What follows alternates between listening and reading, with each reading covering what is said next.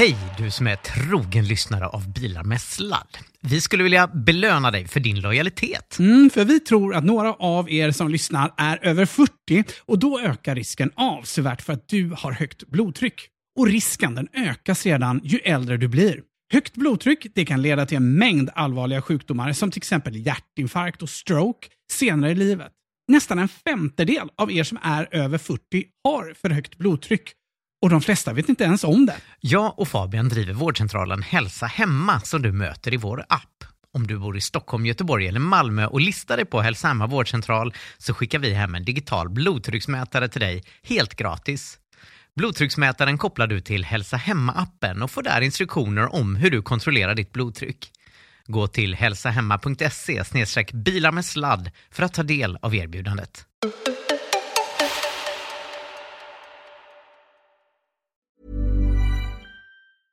Introducing Wondersuite from Bluehost.com. Website creation is hard, but now with Bluehost, you can answer a few simple questions about your business and get a unique WordPress website or store right away. From there, you can customize your design, colors, and content. And Bluehost automatically helps you get found in search engines like Google and Bing. From step-by-step guidance to suggested plugins, Bluehost makes WordPress wonderful for everyone. Go to bluehost.com/wondersuite. Hey Dave. Yeah, Randy. Since we founded Bombus, we've always said our socks, underwear, and t-shirts are super soft. Any new ideas? Maybe sublimely soft. Or disgustingly cozy? Wait, what? I got it. Bombus. Absurdly comfortable essentials for yourself And for those facing homelessness. because one purchased equals one donated. Wow, did we just write an ad? Yes. Bombas. Big comfort for everyone. Go to bombas.com slash ACAST and use code ACAST for 20% off your first purchase. Hey, I'm Ryan Reynolds. At Mint Mobile, we like to do the opposite of what Big Wireless does. They charge you a lot, we charge you a little. So naturally, when they announced they'd be raising their prices due to inflation, we decided to deflate our prices due to not hating you. That's right. We're cutting the price of Mint Unlimited from $30 a month to just $15 a month. Give it a try at mintmobile.com slash switch. $45 upfront for three months plus taxes and fees. Promo rate for new customers for limited time. Unlimited more than 40 gigabytes per month. Slows. Full terms at mintmobile.com.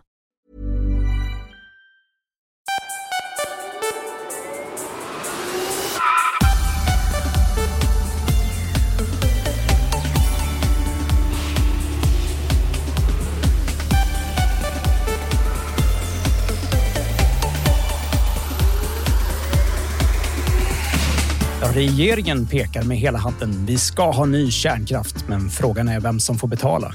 Och så skrivs sista kapitlet i sagan om Nevs. EU vill säkra tillgången till kritiska råmaterial för bland annat batterier. Jag har grottat ner mig i Tesla-strejken medan Fabian har sett på Tesla-skräckis. Och till slut, nu är Cybertruck äntligen här. Allt detta och mycket mer i Nordens största miljö och elbilspodcast Bilar med sladd.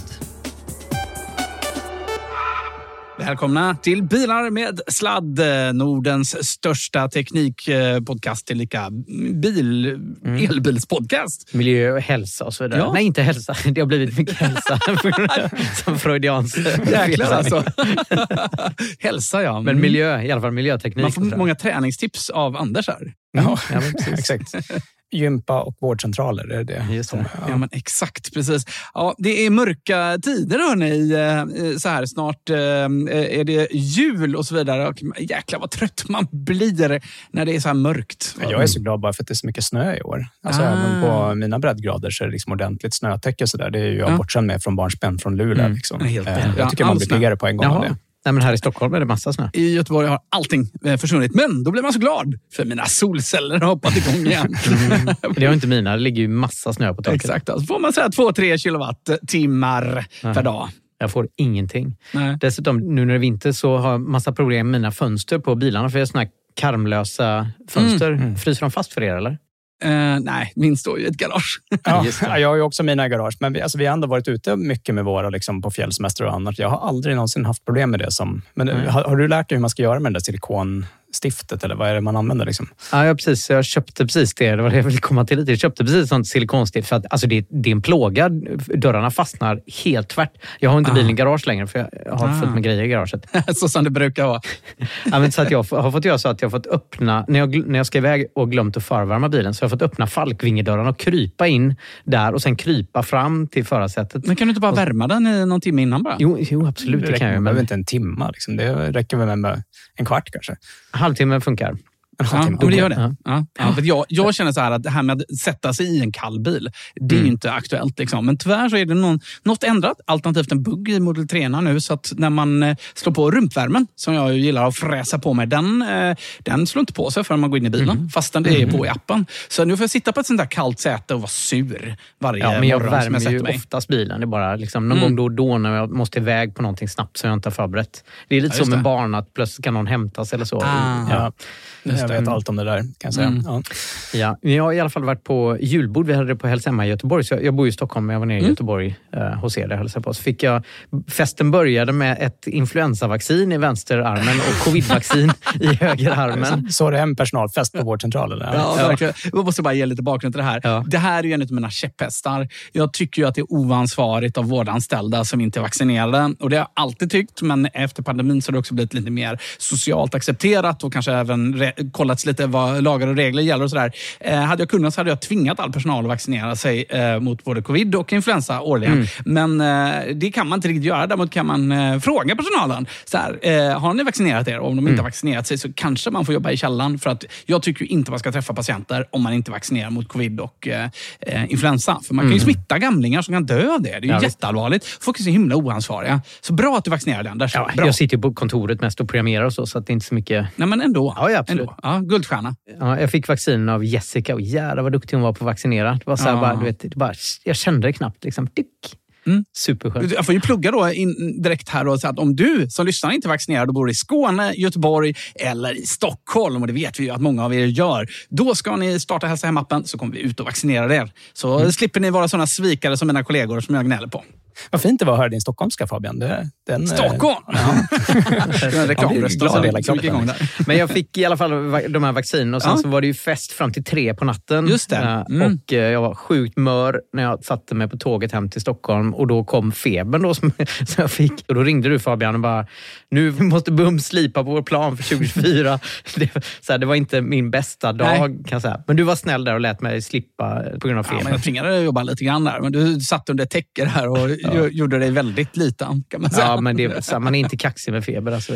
Ja, jag vill bara säga det, så det är verkligen inte alla som blir så sjuka av vaccinet. Men det kan vara klokt att ta vaccinet en fredag. Eh, eh, kan vara klokt att ta det. Så hela helgen är förstörd. Ja, så helgen förstör inte arbetsdagen istället. Jag, jag kommer inte ihåg om jag berättat det här i podden förut. Ni får, ni får säga till i så fall. Men, men det var liksom, jag har svårt, jag, är ju så här, jag tycker det är ganska kul med practical jokes. Jag har svårt att liksom hålla mig ibland när det, en tillfälle ges. Så var det någon gång när jag, jag var- skulle lämna blod. Eh, Så så var det en kompis som eh, var liksom nybakad läkare som var där och jobbade. Eh, Och det, var bara en slump. Liksom. Ja, men hej, är du här? Så var liksom, ja, men då var det hon, naturligt att hon hjälpte till att sticka i armen. Då. Så kunde jag inte hålla mig, så när hon stack mig så bara "Ah!" skrek jag jätte- jättehögt. Eh, eh, och då, jag fick sån skäll av hennes kollega. Är Att, så får man absolut inte bete Nej. sig. För att man, så här, det, tydligen så kan man ju träffa nerver och grejer och det kan Exakt. göra ont på riktigt. Ja, ja, så det finns folk som är spruträdda i omgivningen. Ja, så ja, här. ja. Jag har varit jättespruträdd tidigare, men efter att ha fått så mycket sprutor så är jag nu liksom helt... eh, Jag, kan, jag skulle kunna ge mig en spruta själv nu i det här laget. Alltså. Men jag fick, när jag, någon av de här covid-vaccinsprutorna jag tog, så känns det som någon borrade rakt in i benet i armen. Liksom. Ja, det är otur jävla- bara. Liksom. Ja. Man råkar komma nära en nerv eller nära ett kärl och så blir det sådär. En gång när jag eh, blev bestucken för influensavaccin, nu gör vi inte så bra reklam för det här känner jag. Men, men, men, Ta eh, vaccin allihopa. Det är, Ja, men det är hellre det än att ligga sjuk en jäkla vecka Ja, och riskera att få, få Särskilt lungskador och julen. annat. Liksom. Det vill man inte göra. Liksom. Det är inga, det är inga eh, småsaker det här, säkert om man är lite äldre. Men, eh, ja, men ändå en, en gång när jag blev stucken, så, så, mm, när de drog ut sprutan så kom det sån här blodstråle som bara pssst, rakt ut i, i luften. Eh, och det, det är ovanligt ska jag säga. Riktigt ovanligt. Och sköterskan skrek och jag skrek. Och, ja, men då har ni fått bra tips det- här på att vaccinera ja, er. Hade inte du kollat på skräckfilm Fabian? Det kändes som en bra cue. Ja, exakt. Bra eh, Q, precis. För, eh, eh, tittar ni någonting på skräckfilm eller? Ja, ja, men jo, jag, min fru är faktiskt en stor sucker för skräckfilm. Så Är det så? Ja, Är det hon så? gillar verkligen skräckfilm. Så att, eh, Fan, det var lite oväntat. Då, då, då har jag nog ett tips till er. Jag Mhm. är i alla fall skitmesig då, eh, om inte det har framgått i, i podden. Jag, jag kan alltså inte ens titta på, på Ghostbusters. Mhm. Jag får ju liksom eh, mardrömmar efter det. Mm. Eh, ni kommer ihåg den nya Ghostbusters-filmen. Det, det gick inte bra alls. Kan jag det. Här är helt, helt ärligt. Ja. Eh, så, så jag, jag brukar kalla saker för skräckfilm. Eh, Erik sitter eh, på ovanvåningen just nu och tittar på, på det jag kallar för skräckfilm, vilket egentligen bara är thriller. Så, så det här med skräck får väl vara sådär inne på att jag kan inte titta på det. Det, det funkar Alltså. liksom inte för mig. Eh, men jag är för receptiv. Liksom. Jag tar till mig allt sånt det där. är mest te- Teletubbies och sådär när du får välja. Liksom. Ja, men exakt. Så i mitt flöde så dök det däremot upp någonting som var en skräckvision. Eh, och ni har en liten länk där grabbar. Här. Så gå till den länken och så startar vi det samtidigt, tänker jag. Och så ser vi om vi kan kommentera lite grann vad vi ser. För det här är ju förstås mycket elbilsrelaterat. Då. Är ni med då? Mm. Ja. Ett, två... Kör. You know what, you guys just sit there, okay? Så det vi ser här då... Julia Roberts och Ethan Hunt heter han. Ja, precis. Nobody here. Julia Roberts. Herregud, de går omkring mellan massa stoppade bilar. Liksom. Ja, precis. Är det Teslor allihopa? Vill säga, Det är någon slags trafikstockning och alla ser ut att vara Tesla. Ja. Jättekonstigt. Och de har barnen med sig i en bil och de kör en Jeep Cherokee eller något liknande. En bensinbil uppenbarligen. ja, just det. Det är årets bil, va? Eller? Ja. Och de går ut och tittar på det här. Var- Varför kan vi inte köra på vägen? Och så ser de "Mm, det verkar vara nya bilar det här. För det är såna här nybilslappar med pris och så på den på framrutan. Mm. Stod något om autopilot där. Ja, men precis. Kommer en till där? Exakt.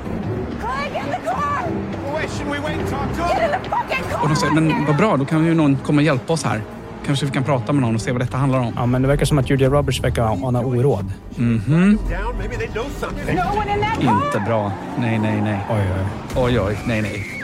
Fick såna rysningar när jag såg det här första gången. Oj, det ser dyrt ut. Oj, oj, oj. Man kan konstatera att det är många Highland de krockar. Det är många Teslor som har gått sönder. Oj då. Nu, Här kommer en till då körande emot, mot trafiken, utan förare, mot dem nu. Och nu är de i full fart att köra därifrån för nu inser de att det här är ju självkörande mördar-Teslor. Och de kör mot trafiken och mördar-Teslorna försöker att ha ihjäl dem i den här gamla bensinbilen. alltså, det är ju för jävligt med elbilar ändå. Vad, är, vad kommer detta från? Det här kommer från en eh, Netflix-serie, hörni eh, Som heter Leave the World Behind. Eh, som inte jag har sett än. Det kan till och med vara så att det här avsnittet inte är släppt än. Och då ber jag om ursäkt att vi spoilade lite här. Det kanske vi borde ha sagt innan här. eh, men ehm, när jag såg det fick jag väldigt blandade känslor. Förutom att jag tyckte det var en jävligt mäktig scen. Liksom, de har verkligen byggt upp det med musik och sådär. Eh, på ett väldigt, väldigt effektivt skräcksätt. Och det är bra filmat, bra skådespelat. Så blev man också lite ledsen för att man undrar hur många Teslor har fått sätta livet till? Eller är det CGI ändå? Det måste ju vara datorgrafik. Mycket datorgrafik hoppas jag, annars blir det ganska dyrt att krascha alla de där bara Teslorna. Då. Men det Vad- Vad kände om- ni när, ni när ni såg detta? Det var ju ganska mäktigt och jag är redan superrädd för AI själv. Eh, super, super orolig över AI och så ser jag det här så då blir jag blir inte... Ja, det blir Nej. inte lättare att sova ikväll. Så kan man Men det säga. handlar om AI då och självkörning och så? Jag vet inte, jag har bara sett den här scenen. Det jag, sett. jag har liksom funderat ganska mycket och hållit på att bygga scener i, i, när jag jobbar med böckerna. Liksom, Mm. att, eh, alltså det, det, det värsta skräckscenariot eh, har ju länge liksom känts som så fleet-wide hack. Liksom att man, man lyckas hacka så att man kan komma in och förstöra mjukvaran i alla bilar så- Mm. som är självkörande och kan liksom utlösa någon sån här dominoeffekt. Eh, Det är väl oklart vad plotten i den här scenen är. Liksom, om det är Mm. bilarna själva som är onda eller om det finns någon mänsklig onding bakom som har liksom Precis. utlöst det här beteendet Mm. eller vad det är som har hänt. Liksom. Men det, det, är ganska, alltså det går att komma på ganska spektakulära eh, liksom, eh, ödesmättade scener. Eller hur? När man, när man, liksom, Om man tänker på den här aspekten. Liksom, att, att bilarna blir ju ändå någonstans kontrollerbara på distans och blir ju liksom känsliga för det här. Och det, Ja, exakt. Men det är de ju redan. Alltså bilarna kan ju, har ju mjukvara så man kan komma åt dem och du kan kontrollera ratten och pedaler och sådär. Ja, men e- exakt. Alltså man, man, det blir väl svårt kanske att fjärrstyra dem en masse så här, liksom, eh, innan de är mer självkörande. Det, det här Cruise som att- klarar nog. De har ju 600 stycken på 400 bilar som styr bilarna, eller hur var det? Ja, men exakt, I förra exakt. avsnittet som vi fick veta. Mm. Ja, det var intressant att det inte var cruisebilar här utan att det var, det var, var just Tesla. Jag tror det är väldigt medvetet att det är Tesla, för de är så förknippade med självkörning och, Säkert, och, ja. och, sådär, och hög teknologi och sådär. Ja. Så det är ju ingen slump att det bara är Tesla-bilar. Liksom. Ja, men vi, vi har ju varit på säkerhetsämnet liksom några Mm. gånger, även det konventionella. Jag vet inte om, du- om du vill Mm. gå AI-spåret eller om du vill gå bara det generella cybersäkerhetsspåret. Bilsäkerhetsspåret. Liksom. Mm. För, för det är ju verkligen så att alla biltillverkare måste ju bli grymma på, på säkerhet i Mm. takt med att den här tekniken fortsätter utvecklas. Så där är ju, jag menar, vi ska inte hålla på och bara liksom okritiskt hylla Tesla eller ta illa upp för att det är just Tesla och de kraschar här. Liksom. Det är ju bara, eh, alltså det, det är väl en effektiv scen, men, men Tesla är ju ändå de som deltar i liksom såna här zero day-tävlingar och, och liksom verkligen Mm. ger bounty till folk som hittar sårbarheter medan det finns många andra biltillverkare som inte ens har börjat jobba med det här. Liksom. Mm. Och, Ja, eh, Jag tänker nog mer AI-spåret. Så, Ja. eh, Jag tänker på bland annat Max Tegmark som jag pratat om tidigare. Som eh, man kan lyssna på i podcasten som du tipsade i förra avsnittet Alfred. Om man lyssnar på Lex Fridmans eh, podcast så finns där massvis med intressanta avsnitt. Och då finns det bland annat vår svenska fysiker och filosof som också pratar mycket om Sverige för övrigt. Eh, han, är, han, är ju så här, han är ju verkligen orolig för AI och han hade, hade som sagt ett sommarprogram eh, i somras också som man kan lyssna på. Eh, och eh, han, han är ju så här, liksom att, ja, mm, mm, om man nu ska göra en AI så det är alla ingenjörer det första de säger är så här, koppla inte ihop den mot internet. Det är bara enkelt. Bara, lägg, koppla inte ihop den med internet. Bara, Oops, det har vi liksom gjort. Bara, okay, Men lär den i alla fall inte att programmera så att den kan förbättra sig själv. Bara, Oops, det har vi gjort. Ja, men låt den inte liksom kunna påverka omvärlden så att du kopplar ihop den med robotar eller bilar eller något annat. Oops, det har vi visst gjort också. Eh, så här, lä- lär den inte att manipulera människor. För, så, att, eh, liksom, oops, Facebook, Instagram, eh, TikTok. ja. mm, ni fattar. Mm. Ja. Ja, men det, det, det är väl liksom, det är viktigt att fram, framhålla att alltså, jag tycker Max Tegmark är, är, är duktig på att prata om de här frågorna i att han, liksom, han kommunicerar att det, det är på inget sätt liksom, kört. Det är på inget sätt säkert att det går åt skogen, utan det finns liksom en god chans att det går bra. Och eh, det är liksom uppsidorna av att det går bra Verkligen. är så fantastiska, så vi vill ju absolut Mm. inte vara utan den här utvecklingen. Men vänta nu, så här, om det finns Ja. en, en, en verkligen ganska stor risk också att det går fel och det är så här existentiellt och det verkligen är liksom börjar verkligen dra ihop sig för att vi kommer till den punkten. Då, då går det ju liksom inte att få ihop den tanken med att vi också liksom inte eh, sätter eh, lagstiftning på plats för att förebygga riskerna. Liksom. Och nu, nu har det ju Exakt. hänt mycket på sist, de senaste åren, liksom, med både Mm. EU och USA, att de är liksom på banan. Men tyvärr är det ju så att de stora europeiska länderna har liksom inte velat eh, införa stark reglering kring liksom, de här foundational networks som de kallas, som då är de här GPT-nätverken och Mm. liknande. Just för att det så, vi ligger så mycket efter Europa, så de är rädda att om vi reglerar bort det så kommer liksom Europa förlora ekonomiskt på att vi inte får de bolagen till Europa. Men kommer en superintelligent AI bry sig om lagstiftning? Nej, men det, det handlar väl egentligen om att se till... Alltså, när jag skrev första boken i min, i min serie så var jag väldigt rädd för att vi inte visste vart militären stod i det här. Liksom. Vi visste inte hur långt... Mm. Vi, vi kanske fortfarande inte vet hur långt NSA och, och amerikanska militären har kommit, men vi, jag tror vi har ganska bra liksom kvitto på att den ryska militären har i alla fall inte kommit svinlångt. Eh, för Putin var ute och vevade i den här debatten liksom redan 2017, 2018. Och det, började, det, var här, det var ganska läskigt eh, om, om han förstår att det här är den som är bäst på det här, är den som vinner det geo, geopolitiska spelet. Eh, nu kan vi nog konstatera att han har ingen superintelligent AI som löser liksom, kriget Nej, I så fall har han en Ukraina. väldigt dålig AI. Ja, kan dålig man AI Nu går liksom. det i och för sig faktiskt inte superbra för Ukraina heller i kriget just nu, ska man ju veta. Nej, nej, Men- visst. mm. Men, det verkar vara ett konventionellt krig ur det, liksom, i den aspekten. Då, så så det, det verkar som att det är så att forskningsfronten här ligger i de kommersiella bolagen. Och de kommersiella bolagen är ju ändå liksom lättare att komma åt på det sättet att de, de, är, de är strikt kommersiella eh, och de, de, är, de är tvungna att lyda under lagstiftning. Så därför behöver man få på plats lagstiftning som gör att de blir transparenta med hur de delar data så att vi kan upptäcka i tid om det behövs mer regler på hur man ska förebygga de här, liksom, den här utvecklingen innan det blir superintelligent. Så det är vi som ska rätta oss efter reglerna, Anders, och inte AI. Ja, så att vi är med Ja, på det. just Och, alltså, och, eh, Max Tegmark är en av de starkaste förespråkarna för att just bromsa lite grann för att AI-säkerhetsforskning som nu börjar komma igång på sina håll behöver utvidgas och bli bättre och smartare och, och mer effektiv eh, så att man hinner med det. Då. Hörrni, jag, jag har faktiskt också eh, något att berätta om strejkande Teslabilar. Eh, Ja.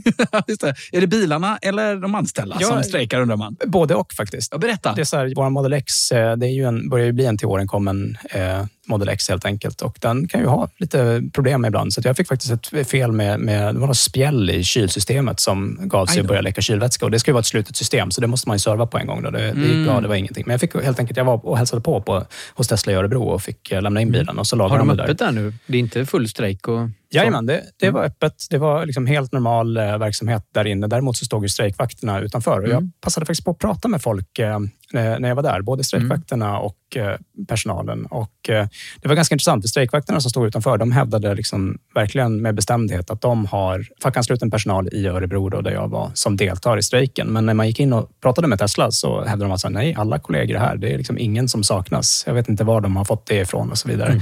Jag tvivlar på att det var någon som liksom ljög medvetet. Utan jag tror att de här strejkvakterna som stod utanför, de, eh, de jobbar De inte på Tesla inte. och eh, de är nog ba- bara vanliga medlemmar, så de kanske inte liksom hade koll. Men, men det var i alla fall den uppfattningen de, de hade.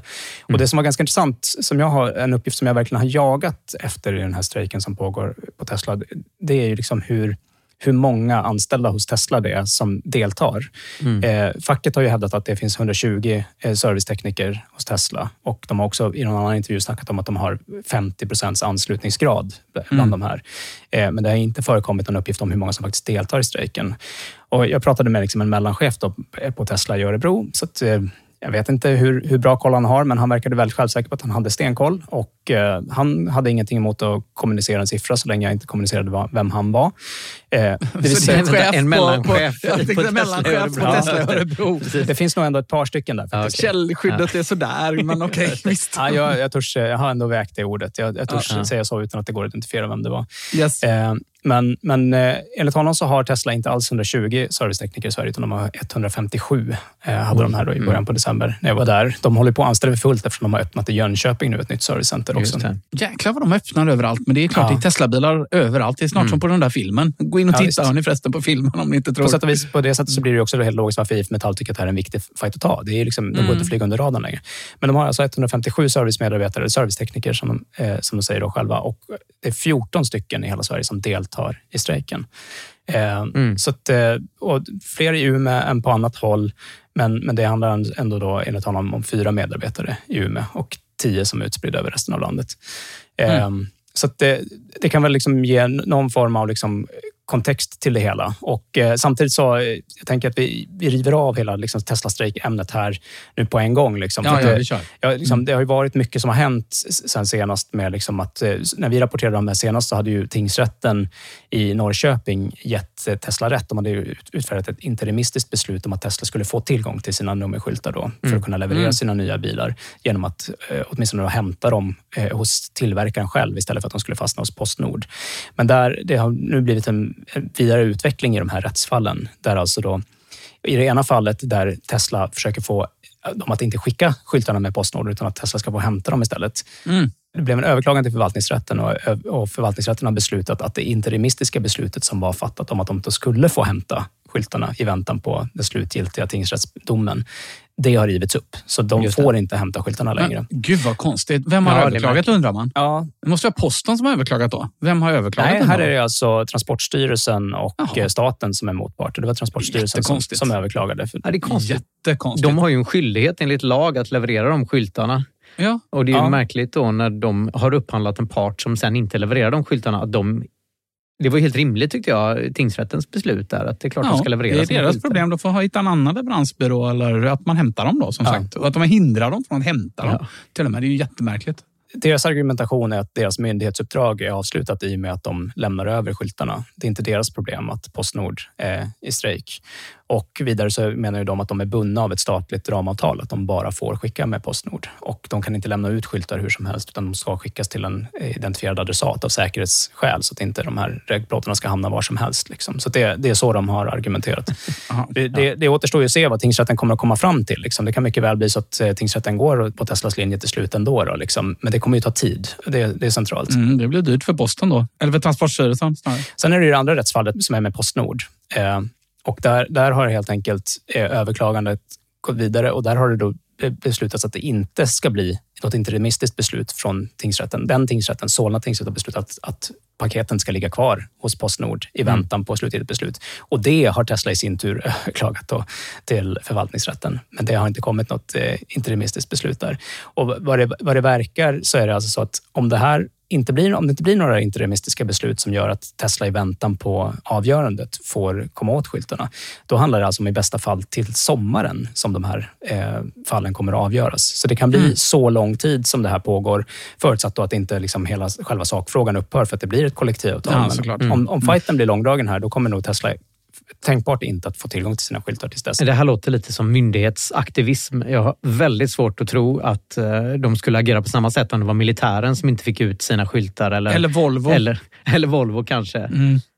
Ja, alltså, när man, jag pr- jag pratade alltså med, med Solna tingsrätt idag då, bland annat. Liksom, och det är här, alla tycker att det här är en intressant sak, sakfråga. Eller, Själva liksom, domstolen tycker inte så mycket. Det är inte deras jobb att hålla på och tycka. Liksom. Men, men det är ju en intressant sakfråga här. Att det handlar liksom, om å ena sidan den grundlagsskyddade liksom, rätten till stridsåtgärder och å andra sidan skyldigheten enligt postlagen. Och Postnord har liksom, argumenterat att det är force majeure när det liksom, då pågår en arbetsmarknadskonflikt. Och det är det som ska ställas mot varandra här. Då, liksom. eh, och, och Problemet är huruvida det liksom är en för allvarlig liksom, pågående åtgärd mot Tesla eller inte som skapar dem kontinuerlig skada eh, och för kunderna. Om det, det ska föranleda att det blir ett interimistiskt beslut. Och det har då liksom tingsrätten i Mm. Solna inte tyckt att det är. Det inte är tillräckligt allvarligt helt enkelt. Men där tänker jag så här att eh, Postnords eh, skyldighet att dela ut brev det reglerar, och paket regleras i postlagen. Mm. Medan strejkrätten regleras i regeringsformen vill jag minnas. Det var länge sedan. Ja, det är en av grundlagarna i alla fall. En av Ja. grundlagarna, precis. Och grundlagen övertrumfar ju rimligtvis postlagen. Så att från Postnords perspektiv så måste de förhålla sig till eh, strejk strejkrätten här, tänker jag. Men det här med, som vi pratade om i ett annat program, det här med strejkbryteri. Det är ju inte olagligt att göra. Nej. Det är bara en norm man har. Så att Postnord skulle kunna lösa hela det här problemet genom att bara kalla in strejkbrytare. Då bryter de ju inte mot... Ja, men de har ju kollektivavtal och det är ett avtalsbrott mot kollektivavtalet att begå strejkbryteri. Så då riskerar Aha. de eh, åtgärder mot sig själva ifall de deltar i strejkbryteri. Så att det- de Men riskerar inte Postnord att bli eh, stämda av Tesla då? Ja, men det är det Tesla har. Tesla har stämt eh, Postnord. Kom med i matchen du Fabian. Sorry. Vissa har jobbat en hel dag här. Ja, men det, det är helt enkelt, det, det ser liksom för närvarande, liksom om, om inte den högre instansen här ger Tesla eh, rätt i att det ska vara ett interimistiskt beslut i Postnord-fallet, då är det nog så att det blir liksom, fram till sommaren kommer inte Tesla kunna få skyltarna från varken Transportstyrelsen eller eh, liksom, hämta dem där eller via Postnord. Och det som Tesla verkar göra nu då helt enkelt, är att de har börjat registrera över sina bilar som de ska leverera på de eh, eh, mottagande kunderna innan man kommer dit för uthämtning. Så man får liksom lösa betalning i förväg så att de kan sköta överregistreringen så att kunderna själva kan beställa registreringsplåtar till bilarna. Ja, så de hjälper kunderna att beställa eh, skyltarna själva. Så det är, liksom, det är det som verkar bli sättet att runda det då, eh, så Mhm. länge. Vilket naturligtvis är liksom massa merarbete och innebär att skyltarna inte liksom är på plats när man kommer och ska hämta bilen, utan då måste de monteras då och så Mm. vidare. Men det, det är väl ändå ett, ett sätt att komma runt det hela helt Men enkelt. det finns tillfälliga skyltar också? Ja, det var, det var ju liksom något vi rapporterade om i förra avsnittet. Det var ju Mm. Dagens Industri då som hade det som tips. Att eh, man, man eh, kunde liksom ordna temporära skyltar när man skulle dit och sen så beställa hem de nya skyltarna när man väl redan hade Mm. bilen själv. Då. Men då får man ju sätta dit dem själv. Men jag antar att facket skulle kunna stoppa även produktion av... Alltså, ja, I och för sig, posten vet ju inte vad det är för biltyp. Ja, och det, och det, det är definitivt så Eller jo, det måste de ju veta. De vet ju att mottagaren är Tesla. Det är ju det de blockar. Ah, det är det de blockar. Ja, ja. Så, att, så att skickas det hem till någon så kan man inte veta om det. Då får de åka dit och kolla. om Han har en Tesla, han har någon Nej, och beställt de, de får inte blockera post till någon annan än Tesla. Så att det får, de får Nej. inte blockera regplåtar till för För att personer. bilen är en Tesla, utan det är just till Tesla. Men kan, inte, de- men vad- kan inte Tesla bara beställa alla sina Tesla-skyltar till någon eh, mellanchef på Örebro? Ja, Borde de kunna göra? det, man, kan inte, man kan inte göra det, de- utan de, de, skyltarna går till bilens ägare, så de går antingen till Tesla eller den mottagande ägaren. Då måste man hålla på att registrera om bilen om och, Mm. till kors och tvärs. Skitsamma. En Mm. annan aspekt här bara, det är att liksom, eh, det här, jag, var, jag råkade vara på Tesla då samma dag som Norge och Danmark gick ut i sympatistrejker. Att det liksom Mm. inte skulle komma några bilar via hamnarna där. Och Sen har Mm. vi ju varit nyheten att också att Finland gör likadant. Så att det, liksom, det finska facket har också tagit ut hamnar i strejk. Mm. Och de på Tesla bara skrattade, för de, har liksom inte, de får inte en enda bil via hamnarna i varken Norge, Danmark eller Finland. Liksom. Utan Mm. alla bilarna verkar gå på lastbilstransport från antingen då fabriken i Berlin eller från Holland. Mm. Redan som det är nu. Då, liksom. så det, redan från när de ställde om det efter att de svenska hamnarna tog ut sig strejk så Mm. verkar det som att bilarna går på transport längre ifrån. Och en viktig utveckling som har skett precis nu här eh, eh senaste dagen bara, det är att IG Metall i Tyskland har faktiskt varit ute och uttalat sig kring strejken i Sverige, där de då hävdar att de självklart hejar på det svenska facket och hoppas att de ska få till en kollektivavtalsanslutning eftersom det är att föredra.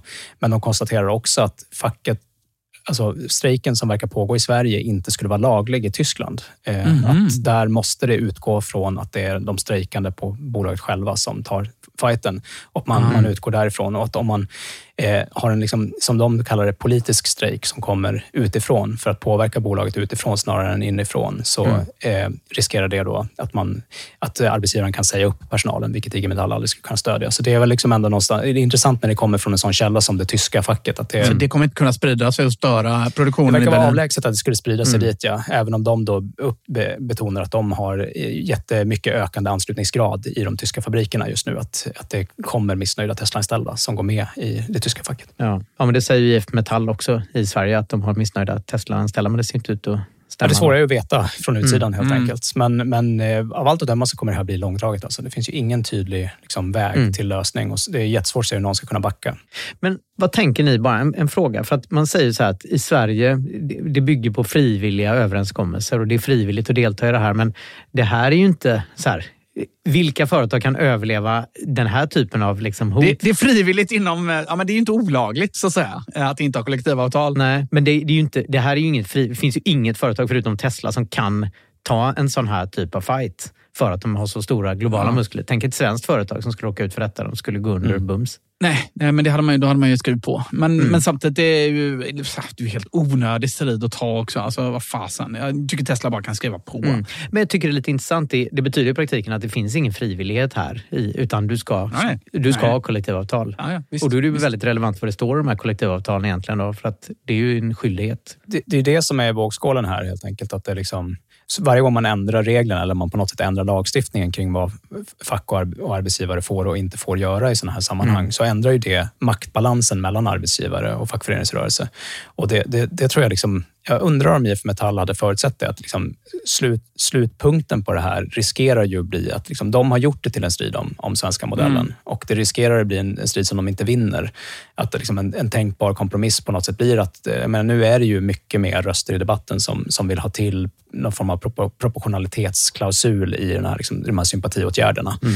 Eh, och det är ju liksom en linje som hade varit svår att driva om inte det här exemplet fanns att peka på. För det, mm jag, jag själv, liksom, jag, jag, känner att jag verkligen in, jag är en stor vän av svenska modellen. Jag vill inte att den svenska mm. modellen ska försvinna. Mm. Och Samtidigt så tycker jag att det, det, är lite konstigt när om, om inte de anställda själva vill delta i strejken eller om det mm. inte är i högre utsträckning. Att det, mm. det är liksom, då 14 anställda. Av, det är det, men det är också konstigt av Tesla att inte sätta sig ner och liksom titta på avtalet och ja. diskutera avtalet och skruva på det så att det blir ett modernt, bättre kollektivavtal. Mm. Då, liksom. Eh, I alla fall efter allt det här trasslet liksom, när bägge parter håller på och strider. Eh, men det har man inte ens velat göra. Men i Sverige säger man så här, men vi vill inte ta någon förhandling för att eh, vi har inte mandat att ta en förhandling. Ja, Tesla gillar ju inte, det är ju Elon Musk och ledningen ja. i USA gillar ju inte kollektivavtal. Det tycker jag är lite mm. liksom, allvarligt, för det hotar mm. ju hela den här... Alltså, Alltså, modellen är ju bra för att parterna tvingas diskutera. Ja. Men här har vi en part som inte vill diskutera. Mm. Ja, men kollektivavtal, alltså det är väl lite poängen med kollektivavtalet. De, de är lite så one size fits all. Det går inte att skräddarsy dem i samma utsträckning. Ju. Eh, utan det, det, ska ju vara lite samma på alla sätt. Det ska bli konkurrensneutralt. är väl någonstans mm. tanken med dem. Så det, det, är väl där att det, det, är svårt att förhandla vissa delar av det. Men mm. jag håller i grund och botten med. Jag tycker, det, jag tycker det är synd att det finns liksom närmast ideologiskt motstånd mot att ha kollektivavtal. Jag kan sympatisera med att de har haft problem med att UAW i USA och delvis IG Metall i Tyskland har varit stora bromsklossar i omställningen till elektrifiering för att de ser att det är hot mot sysselsättning. Och det, där är ju liksom någonstans pudelns kärna. Liksom. Mm. mm. Vad, vad, gör man när facket är på liksom fel sida i, i någon viktig fråga? Då, liksom? Vilket fack är det som man ska ha kollektivavtal med istället ifall de eh, mm. motarbetar mm. elektrifiering till exempel?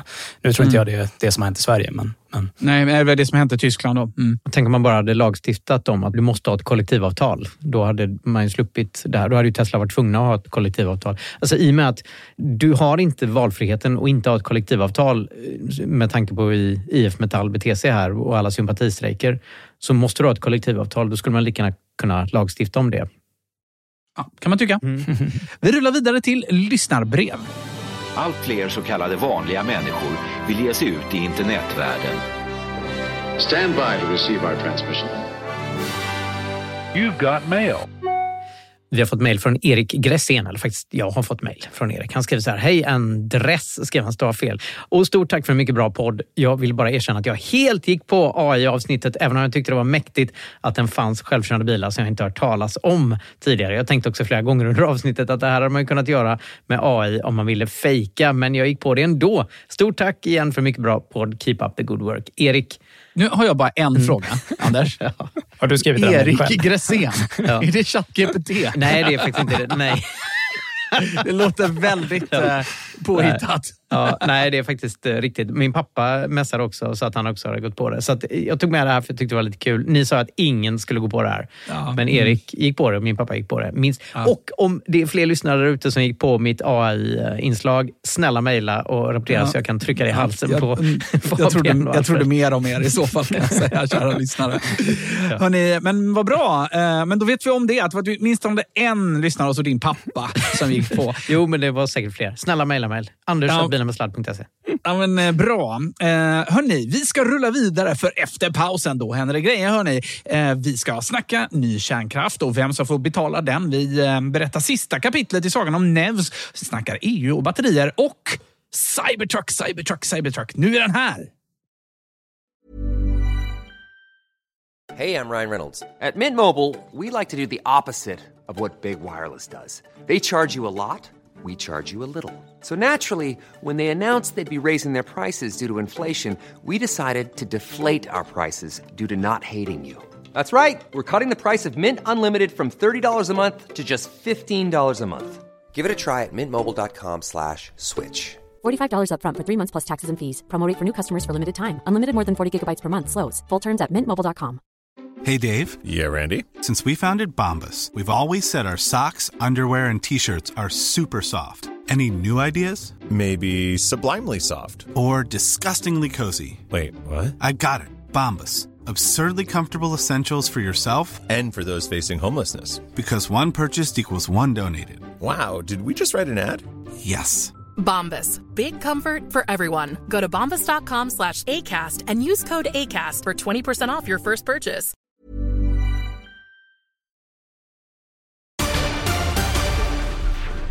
Ja, men vi börjar alltså med att sista kapitlet i sagan om Nevs, alltså den gamla Saabfabriken i Trollhättan, är på väg att skrivas. Eh, Det verkar som att fabriken kan återuppstå redan till sommaren. Eller, som man brukar säga. Åh, det var länge sedan vi använde den. Ja. Klassiskt. Bilar med sladd eller... Ja. Men sen är det också sista kapitlet. Det är ju senaste kapitlet du egentligen menar, för det kan ju komma många Nej, kapitel. det- Nej, vi tror nog att nu är det rökt. Okej. Det är nog faktiskt sista kapitlet. För att eh, nyheten här är helt enkelt att Nevs, de har redan sålt fabriken och nu har de sålt projekten. Så att nu är det liksom ett annat bolag än Nevs som eventuellt då ska ta vid och eh, bygga. Så att för själva bolaget Nevs, så ja, det verkar finnas kvar liksom, och de kanske hittar på något annat. Men de kommer inte ha någonting med fabriken i Trollhättan och de nya elbilarna att göra. Utan det är helt enkelt, de har, de har sålt Ja, men en, eh, inte inkrom tror jag när man säljer hela eh, inventarien, utan de har sålt just elbilsprojekten och fabriken var, var helt, helt enkelt redan tidigare såld. Eh, Men det var helt enkelt stora nyheter som kavlades ut här om veckan när eh, fabriken då tydligen skulle räddas. Och Det rör sig då alltså framförallt om den här Porsche Taycan-liknande sportsedanen Emily som de har utvecklat och som faktiskt verkar rätt cool om jag får säga det själv. Emily GT. Jag har varit tittat på den. Jag var ju hos Nevs för några år sedan. Mm. Ja, men precis. Spola tillbaka i poddflödet får ni höra. Mm, jag har faktiskt också mässat lite med deras chefsingenjör där och ska få en intervju med honom. Han föreslog efter nyår för då har de mer information att dela med sig av. Ja, men det är superbra. Det, som vi ska höra nu så tror jag vi har en del frågor att, att ställa till honom helt enkelt. Eh, Förutom Emily så rör det också, de har ju någon form av lite koncept. Det är liksom självkörande poddbil som är typ utan ratt och sådär som man tänker sig framtids sci-fi liksom, som heter Pons eh, som, som de har sålt. Eh, men vi, vi kan lyssna lite på hur det lät. Eh, Det var faktiskt tidningen Automotor och Sport som intervjuade Nevs VD Nina Selander om affären samma dag som det presenterades att det har kommit en köpare till projektet. Stort grattis! Emil GT kommer att tillverkas i Trollhättan. Saban han lever vidare. Jag måste börja med den här sportjournalistfrågan. Hur känns det? Ja, men jag har så svårt att sätta ord på det. Jag har fått frågan här nu från de få som vet. Ja. Och jag har sagt det, ja, men det, det är som att allting bubblar ner till en eufori. Eh, och det är klart att många säger, men kommer det inte kännas lite sorgligt nu och sådär. Men Nej. Varför då? Varför skulle det vara sorgligt? Nej men att det ändå har funnits sådär att ska ni inte ändå klara det och nu har ni sålt fabriken och då kanske ni ska ha kvar projekten och sådär. Men vi har haft väldigt starkt inställt att nej men vi vet att vi behöver göra detta. Eh, och jag är bara så överlycklig att det kommer Ja. leva vidare. Ehm, och vi behöver ha någon som vågar satsa och att de gör det med utveckling och produktion i Trollhättan, ja men det är ju mer än vad vi kan drömma om. Det är en väldigt tidig fin julklapp. Ja. Kan, jag måste säga, vem är det som har vem är det som går in? Vad är det som har hänt egentligen? Ja, vi kanske ska börja där. Ja, eh, det är ett eh, kanadensiskt bolag som heter EV Elektra. Ja. Och eh, de kommer att sätta upp ett, en svensk legal enhet i Trollhättan som då blir EV Elektra Sweden. Just. Eh, VDn heter Jihad Mohammad. Eh, så det är ju främst honom jag har förhandlat med. Just. Och berätta lite om hans bakgrund och vad han gör och hur han har fått pengarna och vad han ska göra nu då. Ja, pengarna det är hans egna. Eh, det, är, det är inte fler som är inne och investerar och sådär. Sen får väl han berätta lite själv då. Ehm, och är i automotive-industrin men eh, väldigt liksom nybörjare så. Han har ett litet, en av de första libanesiska elbilstillverkarna har jag läst. Ja, stämmer. Ja. Eh, och sen är han ju framförallt, och det, det tycker jag kanske är röda tråden med alla som jag har nästan träffat i den här resan, otrolig entreprenör. Ja. Och modig och liksom vågar hoppa och allt det där. Eh, så att, eh, ja, han, Pengarna han gjort inom telekom. precis. Ja. Och han har bolag i Kina också. Så. Och han är värd många, många miljarder. Ja. Ja. Kul för honom. Kul för honom. kul för Kul för oss. er, ja. Ja, vi kan stanna där. Men som ni hör så var Lina Solander hon var liksom väldigt glad för det här. Och att, eh, Låter toppen ju. Ja, men eller hur? Fick hon inga mer kritiska frågor? För att vi vet ju mer om det här, Alfred, eller hur? Ja, men man kan väl konstatera att Automotorsport har följt upp den här intervjun med mer kritiska frågor lite längre fram. Men han var Mm, nog ja. ganska liksom, eh, inlindad i, i kommunikationen här när han var där. För han, han Mm. eh, käre Alrik, han, han hoppade och log. Och, eh, det finns någon intervju med, med Jihad Mohammed själv också som verkligen är liksom, i- i-. Liksom. Eh, men det här ska då vara ett kanadensiskt bolag, EV Elektra. Och Frågan är lite hur, hur det är med det helt enkelt. Eh, Det är faktiskt vår kära poddkollega i, Peter Esse. Han har gjort lite föredömlig internetsleuth-anda här. Liksom, att han har verkligen bara suttit och googlat till sig en massa saker som faktiskt eh, det är rätt eh, anskrämmande när man, när man tittar på det och som gör att man Mm. kanske ska ana ugglor i mossen kring vad det här faktiskt kommer att bli. För det här är knappast ett kanadensiskt bolag. Det är som vi hör i klippet också från början en libanesisk elbilstillverkare. Då. Och om man tänker på en biltillverkare så kanske man kan fundera då på hur många bilar de har byggt. Och svaret är att de har byggt två stycken bilar och det är ändå om man då räknar snällt. För det visar sig att den första prototypen, det är alltså två prototyper som de har visat upp tidigare i sin kommunikation. Och den första prototypen, det visar sig att det är i själva verket en bil som är utvecklad av ett slovakiskt eh, företag och som man kan köpa en byggsats av. Mm, som Eh, KitKar, en precis som man KitKar. bygger upp själv. Så de har helt enkelt beställt hem ett kit och så har de skruvat ihop den där och sen så har de presenterat den som sin egen elbil helt enkelt Mm. för att liksom Hoppsan. jobba fram en hype. Det luktar ju nästan bedrägeri. Ja, vänta Ja. till du hör nästa här nu då Fabian, den Mhm. andra. Den andra bilen då, det är alltså en elbil som är utvecklad av Detroit Electric, kallades det bolaget. Eh, och det var alltså redan 2013 som de visade upp den modellen eh, på, en, på en stor bilmässa och sen så lyckades de aldrig ta sig till produktion och 2021 så köpte då EV Elektra eh, det här bolaget för en, enligt kommunikationen, en stor summa pengar. Men det är liksom svårt att veta om de där pengarna verkligen bytte ägare helt enkelt. Men det blev inga pengar. Det gjorde inte det, utan det gick tillbaka till Detroit Electric. Ja, så att- pass. Okej, då vet- då vet du- då vet du mer än ja, men jag. jag. läste in mig på det, så den affären blev inte av. Eh, Och då så under, som del av den här affären så skulle de köpa ett exemplar av den här bilen från en norrman, så jag inte kommer ihåg vad han hette just nu. Mm. Eh, Och den sattes i en container, tror jag, i Schweiz för att vänta på att de skulle betala, men de betalade aldrig bilen. Mm. Istället åkte de, eh, de från Libanon dit och tog den. Mm. Så att den bilen då visar upp andra bilen. Det är en stulen Detroit Electric från en norrman som, var, som deltog i det projektet. De Ja, betalade aldrig för någonting. Det gör det inte bättre heller att kommunikationen runt den där affären så liksom förekom det liksom också att man skulle vara med på den här elektrifieringsracet som privatinvesterare och man skulle köpa deras då kryptovaluta som fanns runt det här projektet. Liksom. Oh, Om inte varningsflaggorna har varit innan här nu, så eh, nu luktar det brunt. Det finns några Mm. indikationer på att eh, det är oklart hur toppen den här affären verkligen är och om det Alltså Nevs har ju kommunicerat att folk ska börja anställas redan efter nyår i Trollhättan och att eh, liksom, produktionen ska trampa igång i sommar och att det ska bli leveranser i augusti.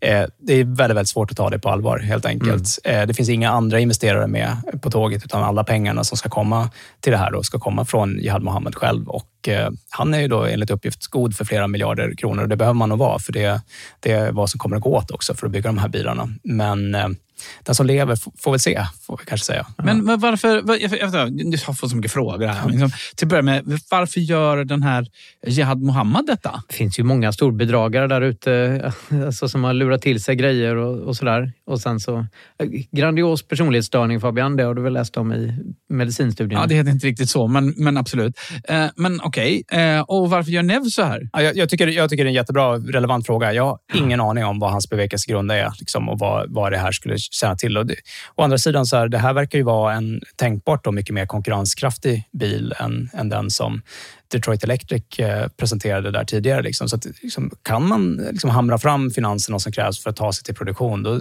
då liksom är det tänkbart att de ändå skulle kunna ha en produkt som ändå går att ta sig till marknaden till och, med och, och ändå sälja. Liksom. Eh, så jag tycker det kanske är så att han, han menar allvar med det här. Liksom. Kan det vara så att han har hastlat sig hela vägen hit? Ja. Om för att det vi har sagt och grävt och som Peter har grävt fram, eh, att det är rätt. då. Eh, han har hastlat sig hela vägen hit och sen så har han kanske en annan investerarplan. Liksom. Nu när han har en bil som han ska, ja men nu har jag det här avtalet här, så ska jag skaka fram de pengarna från någon annan om han inte själv har. Jag läste inte från Peter Esse. Jag läste en intervju med den här norrmannen så att, eh, Mm. som starkt avrådde från att ha, ha med den här mannen att göra överhuvudtaget. Mm. Alltså jag menar bara att han stal den här. Hade han pengar överhuvudtaget så skulle han ju betala för den där Detroit Mm. Electric-prototypen då, som Mm. överenskommet. Men nu tog han den bara. Hämtar ut den Mm. utan att betala. Det, det är för skumt allt det här. Ja, frågan är om de har fått några pengar Nevs. Ja, ja, exakt. Man får hoppas att de inte har betalt med aktier i det nya bolaget. Eller? Ja, man får hoppas att de inte skickar Mm. ner en Emily-prototyp innan man fått betalt. Ja, jag, jag tror det är för tidigt att liksom fälla den slutgiltiga domen, men det, alltså det båda är ju inte gott det här, får man säga. Och, Men eh, Nevs kan väl också googla? Eh, varför har de inte lyckats eh, få fram det här? Ja, kollar man på hela de här intervjuerna och, och med material med, med henne, då, liksom, då ger hon sken av att de också haft gott om alternativ att välja på, men att de har liksom prioriterat i förhandlingarna att välja en aktör som, som vill vara kvar med tillverkning då i Trollhättan. Att de gärna vill sälja till någon som, som ska tillverka Det kan i och för sig vara saker man säger bara. Ja, det, det är väl det som man slås av när man liksom förstår sammanhanget här. Och, eh, liksom relationen med, med EV Electra liksom har inletts så sent som i september, så det är liksom inte så Mm. att det är, en, det är en lång relation som har pågått länge. Så att jag tycker hela affären andas väl att de inte kanske har haft så många bra alternativ på vad man skulle sälja till. Men, men det är ju någonting de i alla fall vill ge sken av att de har haft. Ja, de har gjort massuppsägningar, sparkat jättemycket folk, stackarna där, efter att eh, Evergrande, hette väl den tidigare kinesiska ägaren, drog sig ur. Mm. Så de har, ju, de har slut pengar, nästan inget eh, folk kvar, men de sitter med de här tillgångarna och den här bilen och sådär. Så att de Mm. har ju varit tvungna, det här är nog sista liksom, eh, alternativet. Mm. Och de hoppas väl. Det skulle jag kanske också gjort. Ha, Men ska vi prata om eh, kritiskt råmaterial istället? Ja, tycker jag. Ja. Det är nämligen så att eh, det har kommit nya EU-regler, eller på gång nya EU-regler för att säkra tillgången till kritiska råmaterial som det kallas i EU-språk. Det är nämligen så att EU-parlamentet har röstat för det som kallas Critical Raw Materials Act. Och målet är att eh, fram till år 2030 så ska minst 10 procent av de här kritiska råvarorna ha brutits inom EU och minst 40 procent ska ha process, eh, processerats då inom EU. Eh, och det här gör man ju då för att eh, bland annat elbilar och vi vill ha material i Europa för, för att kunna producera grejer. Eh, det, eh, det här eh, nya lagstiftningen innebär är att om man vill bryta mineral, av de här mineralerna då, så ska man kunna få ett tillstånd att få bryta inom 27 månader.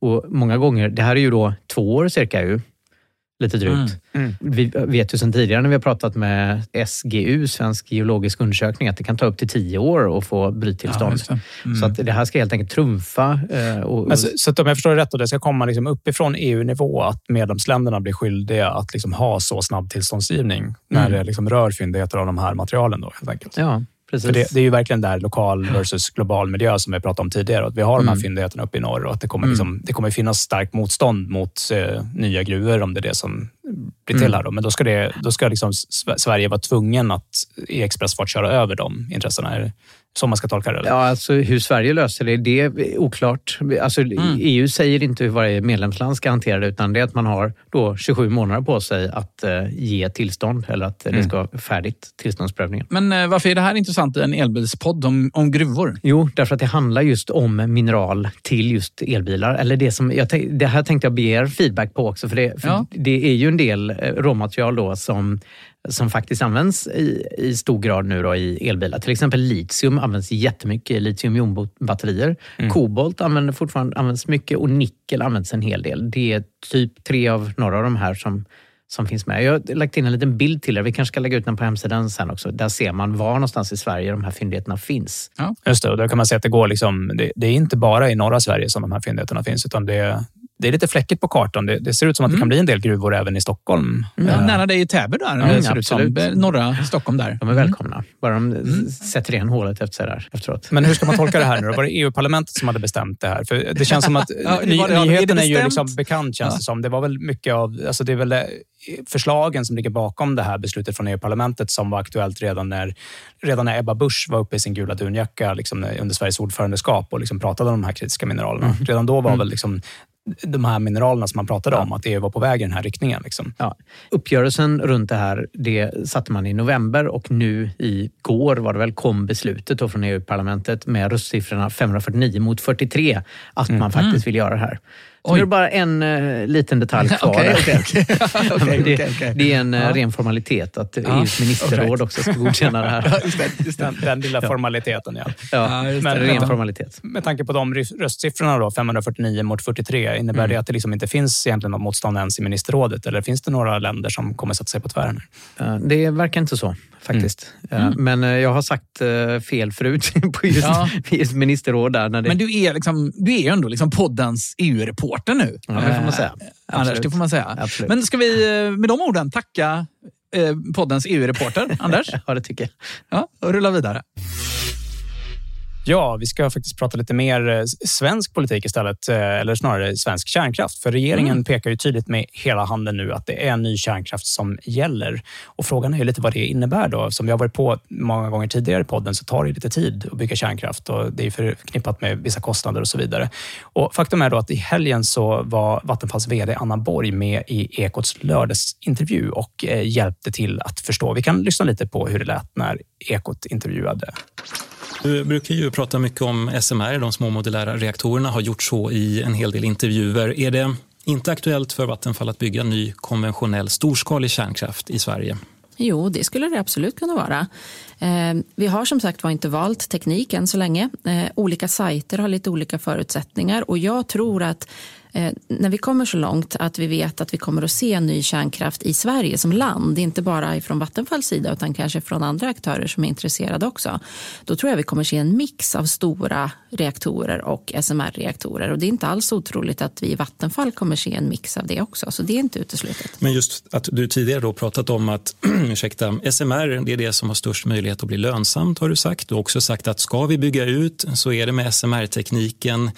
Eh, I lördagsintervjun för några år sedan då pratade om storskaliga reaktorer som för stora, för dyra och ingenting som vi behöver. Vad gör att du pratar annorlunda om det här idag?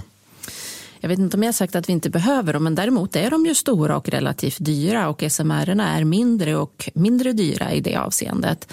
Eh, men jag tror som sagt var att oavsett vilken typ av reaktorer som ska byggas så kommer den här riskdelningen och den här riskdelningsmodellen från staten att behövas. Och då beror det lite grann på vilka incitament som finns i den också. Men är det det som är det nya då? För du sa ju då att inget som behövs för tre år sedan om storskaliga reaktorer. Är det incitamenten från staten som har ändrats och gör att du pratar om det här annorlunda idag?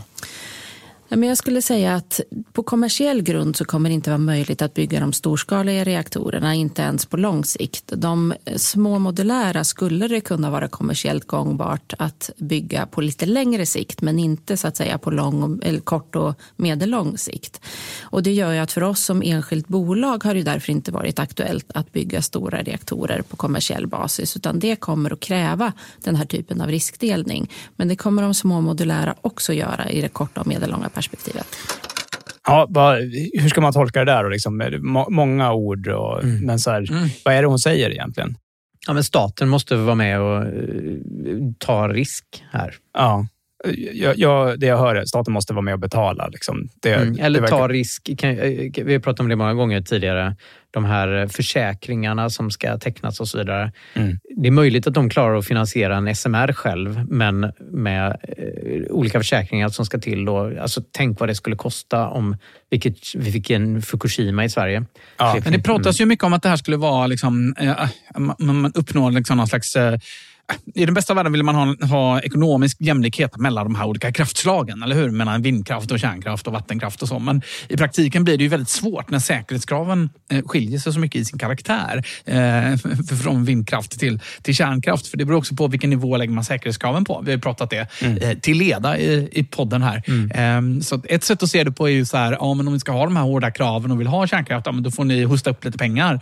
Eller sänka kraven då. Men det säger hon inte, för det vore nog dåligt av Vattenfall att säga det det. framgår liksom i, i intervjun i övrigt att så här, med de här tidshorisonten liksom horisonten som vi pratar om, att det ska komma ny kärnkraft Mm. på plats i början av 2030-talet och så vidare, då, då är inte SMR heller ett alternativ liksom rent kommersiellt. Utan eh, det är svårt, eh, bara att SMR inte riktigt är tillgängligt ännu, bara en sån sak. Då. Men det är så Ja. konstigt att alla Ja. säger det. För jag, jag lyssnade på en, en utmärkt podd eh, som, som heter eh, Kvartal. Det är en tidning egentligen. Kvartal podcast är ju också en podcast kopplad till tidningen där han läser upp artiklar och gör intervjuer och så. Där hade de en intervju med ett företag, Westinghouse, som typ, de har typ köpt upp alla kärnkraftprojekt och de bygger alla eh, kärnkraftverk och sådär. Jättestor, precis. För det lät som, vi vet ju att du har varit en ganska liksom stark kärnkraftsmotståndare förut Fabian, men det lät Ja. som att du hade blivit typ en, en liksom stark förespråkare. Han lyssnade på en podd, sen svängde det.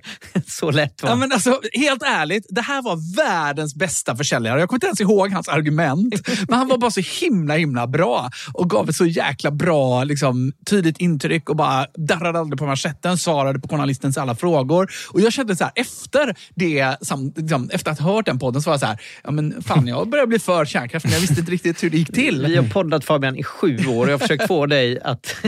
Du ska nog sno några retoriska knep av honom, Anders. Jag ska nog göra det. Ja. Eh, Det har runnit av mig nu. Men, okej. men det bland annat han sa var ju just med SMR. Han påstår att det finns ett eh, 30-tal olika SMR som de har levererat eh, runt om i världen som är i drift och fungerar jättebra och, alla är jättenöjda. Ja, det konstigt, varför, varför låter det hela tiden som att det är liksom en ny konventionell kärnkraft som måste byggas först då, för att SMR är inte Ja. tillgängliga ännu? Liksom. Men, Ja, de menar att de kan leverera det ganska snabbt också, Ja. inom ett par år. Sådär. Så jag, jag vet inte heller varför det är så i debatten. De I här alla fall projekten har ju pågått väldigt länge, SMR-projekten, så att det kanske är så här gammal sanning. Lite som att Jag tror elbilar brinner Mm, eller sliter vägar och, och sådär. Mm, ja, I alla fall, det är faktiskt så att Anna Borg här, hon, hon går in på hur, liksom sån här kompensation som de skulle behöva se eh, kan se ut. Liksom. Och Då tycker hon att man ska kolla på hur andra länder har gjort, vilket ju låter Mm. klokt. Och Då tänker hon att liksom, det finns en lösning som är, har varit vanlig och det är att det liksom finns ett garanterat pris på vad man får betalt för energin som en alstrar. Då.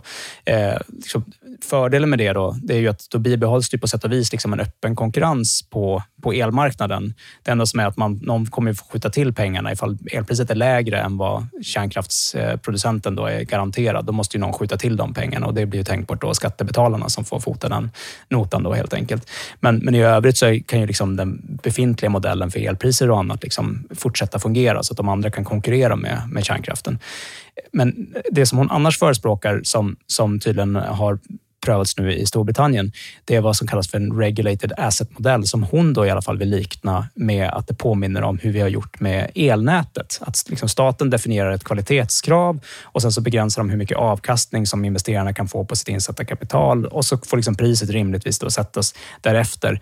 Men i själva verket så blir det då att man helt enkelt reglerar hur mycket produktion som ska ske och att det liksom, ja men, eh, elnäten är ju liksom lokala monopol som det är nu. Då, liksom.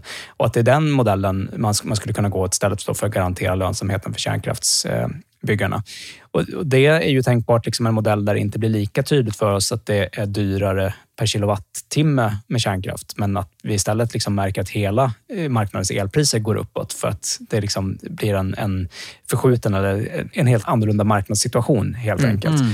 Eh, oavsett så kommer liksom de pengarna behöva komma någonstans ifrån, oavsett om det då är vi som konsumenter som betalar på elräkningen eller om det är att vi betalar via skattsedeln helt enkelt. Mm. Eh, Kärnkraft är ju, har ju varit extremt billigt i Sverige över tid. Så att eh, så länge det inte sker en kärnkraftsolycka så är det väldigt, väldigt, väldigt, väldigt billigt med, med kärnkraft. Så är det ju. Ja, frågan, är det det? Ja, det är bra att du säger det. Vi kan Mm. kolla vad Anna Borg säger om det. Om man ska ta något om kostnaden så bedömer Internationella energirådet, IEA, att det i EU idag är mer än dubbelt så dyrt att bygga kärnkraft jämfört med havsbaserad vindkraft och att skillnaden blir ännu större längre fram. Vad säger det dig om, om vad man ska satsa på? Nej, men det kan nog eh, stämma ungefär. Däremot så tycker jag det är viktigt att inte ställa det ena emot det andra. Därför att olika tekniker är bra på olika saker. Och för att vi ska ha ett robust energisystem så behöver vi en mix av olika teknologier. För de är bra och dåliga på olika saker. Kärnkraften är ju till exempel en basproduktion som inte är väderberoende utan kan producera oavsett hur vädret ser ut. Och den bidrar också med stabilitet i energisystemet vilket har ett värde i sig så att säga som inte alltid avspeglar sig i den här investeringskostnaden. Medan vindkraft däremot, där är det möjligt att tillföra ganska stora volymer relativt snabbt och till konkurrenskraftiga priser. Och så behöver man nät och flexibilitet för att systemet ska funka som helhet. Så att det inte är antingen eller. Är din bild där att det går att tillföra mycket vindkraft utan att vi får mer planerbar kraft? Ja, det där har vi tittat på ganska mycket faktiskt för att vi, i det svenska energisystemet. Då, därför att eh, vi har ju ganska goda förutsättningar i Sverige att tillföra väderberoende el på grund av att vi har mycket reglerkapacitet i form av vattenkraften. Men eftersom vi på Vattenfall har efterfrågat någon slags långsiktig plan eller ramverk för hur energisystemet ska se ut så har vi också tagit fram ett förslag på ett sånt baserat på vår kunskap. Och där ser vi att ungefär någonstans mellan 50 och 60 procent planerbar energi. Och då räknar jag kärnkraft, vattenkraft och kraftvärme dit. I kombination med knappt 50 procent väderberoende kraft och så lite flexibilitet på det skulle fungera väl. Lagom mix. Det låter Mm. väl helt rimligt tycker jag. Alltså, visst är hon ganska skicklig? Jag tycker hon är duktig Mm, på ja. att liksom svara på frågorna. Och att Jo, men liksom... det, är- det är ju för att det, det är så att om du, om du har vindkraft som blåser, alltså det blåser ju alltid någonstans i landet, men det är Mm. svårt att få en matt, bygga en matta av vindkraft som hela tiden är fundamentet i, i elnätet. Ja, det är också viktigt att hennes perspektiv här, och det är nog liksom mer så kraftstabilitet och så, se till Mm. att de här hatchen i elnätet ska vara stabila. Och, så att, eh, och det har ju att göra med att eh, mm, vi gör av med ungefär lika mycket. Det är ju inte, det är inte bra att göra, för mycket el heller, eller hur? Det är därför vi har fått negativa elpriser ibland. Ju. Eh, så att man ska ta, producera lika mycket energi momentant som man drar ut ur systemet, för annars blir det instabilt. Men en aspekt som jag inte tror att kanske hon pratar om egentligen alls här egentligen, det är ju elpriset. Vi är ju ihopkopplade till övriga Europa, så även om, om våra eh, system här kommer att fungera alldeles utmärkt stabilt när vi har så mycket vattenkraft och sådär, så, så kommer vi påverkas jättemycket av elpriset egentligen oavsett eh, om vi bygger ett till kärnkraftverk eller två i, i Sverige. Upp till att förbindelserna med Tyskland är fyllda. För att de, Ja, Just det, alltså- finns begränsningar där i Ja, överföringen. men precis. Så att när de Ja. är fyllda sen så, så spelar Ja. det ingen roll vad elpriset Och jag undrar ju också verkligen hur mycket det där med, för vi har ju pratat mycket om det, att det, ja, det här med de stora generatorerna, rotorvinkel, stabilitet och sådär. Det som hon pratar om att det finns andra effekter än att de bara producerar eh, megawattimmar då, utan också liksom att, det, att det bidrar till stabiliteten i elkraften. Och det hörs ofta i debatten att vi behöver kärnkraft för att kunna dra ner vattenkraften. Och det, det, är massa, det, det är massa snack om detta. Och jag har för uppfattningen att det var lite gamla sanningar, då, apropå gamla sanningar. Då. Men, eh, men det, det säger inte hon. Ja, du är inne på en bra poäng. Liksom, för att, eh, jag tycker hon hanterar den här intervjun skickligt. Hon är bra på att svara. Men, men jag tycker det är ganska konstigt att hon i intervjun... Alltså jag, jag har lyssnat igenom hela... Jag, jag kan, alltså, ni får korrigera mig om jag har fel, men jag kan inte höra att de någon endaste gång kommer in på batterier eller andra former av energilagring och deras roll att spela i framtida elsystemet överhuvudtaget. Och där, liksom, jag hade varit väldigt sugen på att förstå vart Vattenfall ligger i den analysen Mm. och vad hon tror. För det, vi ska ju liksom inte prata om vad priserna för energilagring är idag, utan vi ska försöka prata om vart de är liksom, tidigt tio år. 2030-tal eller Mhm. kanske 2035 eh, för att förstå hur, hur det systemet kommer att vara, eller vad priserna är på sådana lösningar i, när kärnkraften skulle kunna Ja. komma i drift. Och där, det tycker jag, det resonemanget saknas liksom helt och hållet här. För då är det ju möjligt att hon skulle ha en helt annan syn på liksom just hur den här relationen mellan liksom planerbar kraftproduktion och eh, icke planerbar då, vindkraft eh, skulle, skulle vara. Liksom.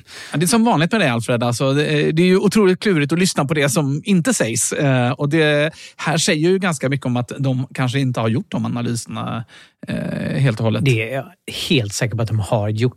Det vore väldigt märkligt om de inte hade gjort det. Ja, jag tror hon skulle ha bra svar om hon fick de frågorna, men hon får inte frågorna helt enkelt. Mm. Eh, Nej, kanske okej. får försöka få Mm, ställa mm. de frågorna till henne själv. Mm. Men, men kan det vara så att det inte är så relevant med batterier för oss eftersom det handlar inte bara om dag och nattlagring som batterier är ju oftast aktuellt för utan det handlar ju mer om eh, liksom, årstidslagring för vår del. Ja, men jag tror faktiskt det är precis så, eh, Fabian. Eh, Om, om man ska lagra över årstider så är det sådana gigantiska lager man Mm, behöver. det det. Så att eh, sol funkar ju jättefint på sommaren, men du behöver Mm. ha någonting på vintern när vi drar som allra mest el i det här landet. Ja, vi Och- pratade om Gran Canaria i förra avsnittet Mm. och det är perfekt med batterilagring och, och, och med, med solceller och vindkraft där. De hade nog klarat hela livhanken, all sin el Mm. på bara det. Liksom. Och på ekvatorn är det inga problem med solpaneler. Jag räknade lite grann på det där tidigare och kollade på, på data på det. Liksom. Och det verkar faktiskt paradoxalt nog som att det är så här, eh, tidig höst eh, som är svårast i Sverige ur energilagringsperspektiv. Just för att även på, på vintern så är också vindkraften som, som allra bäst. Liksom. Mm. Så att när vi har mer vindkraft än sol i systemet så är vintern inte det primära problemet. Liksom. Utan där, där är det liksom Ja, men det är mycket vindkraftproduktion helt enkelt när, när den går som hårdast. Men jag, jag tycker det finns också andra lösningar än just batterier att tala om. Att, menar, det har ju varit mycket snack kring liksom vätgassatsningarna uppe kring de industrisatsningarna i norr.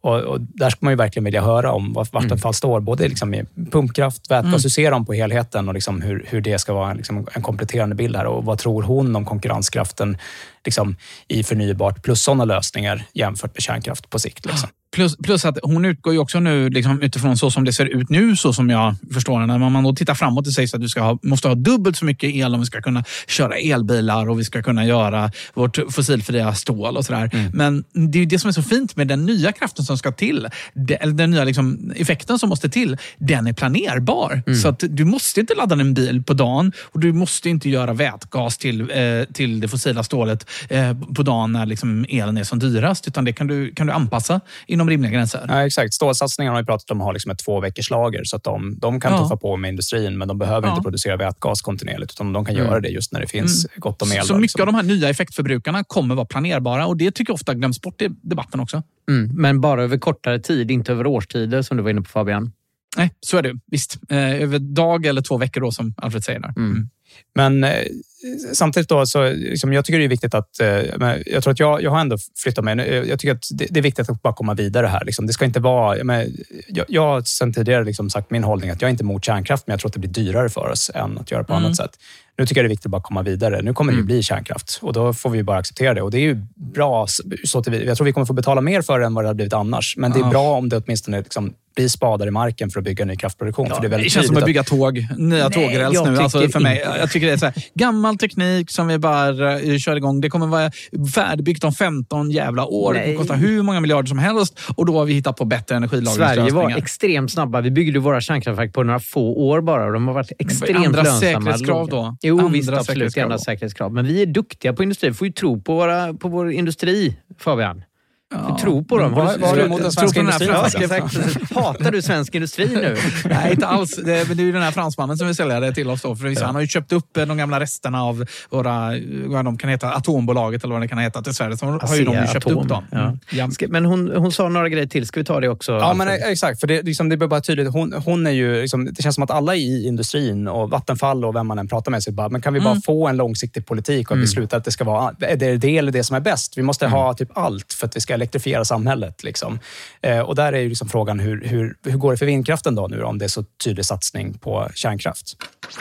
Havsvindkraften då, det är inte bara ni som har stoppat projekt. Det har gjorts på flera håll eh, på senaste tiden. Eh, har det där ändrat förutsättningarna för havsbaserad vindkraft framöver?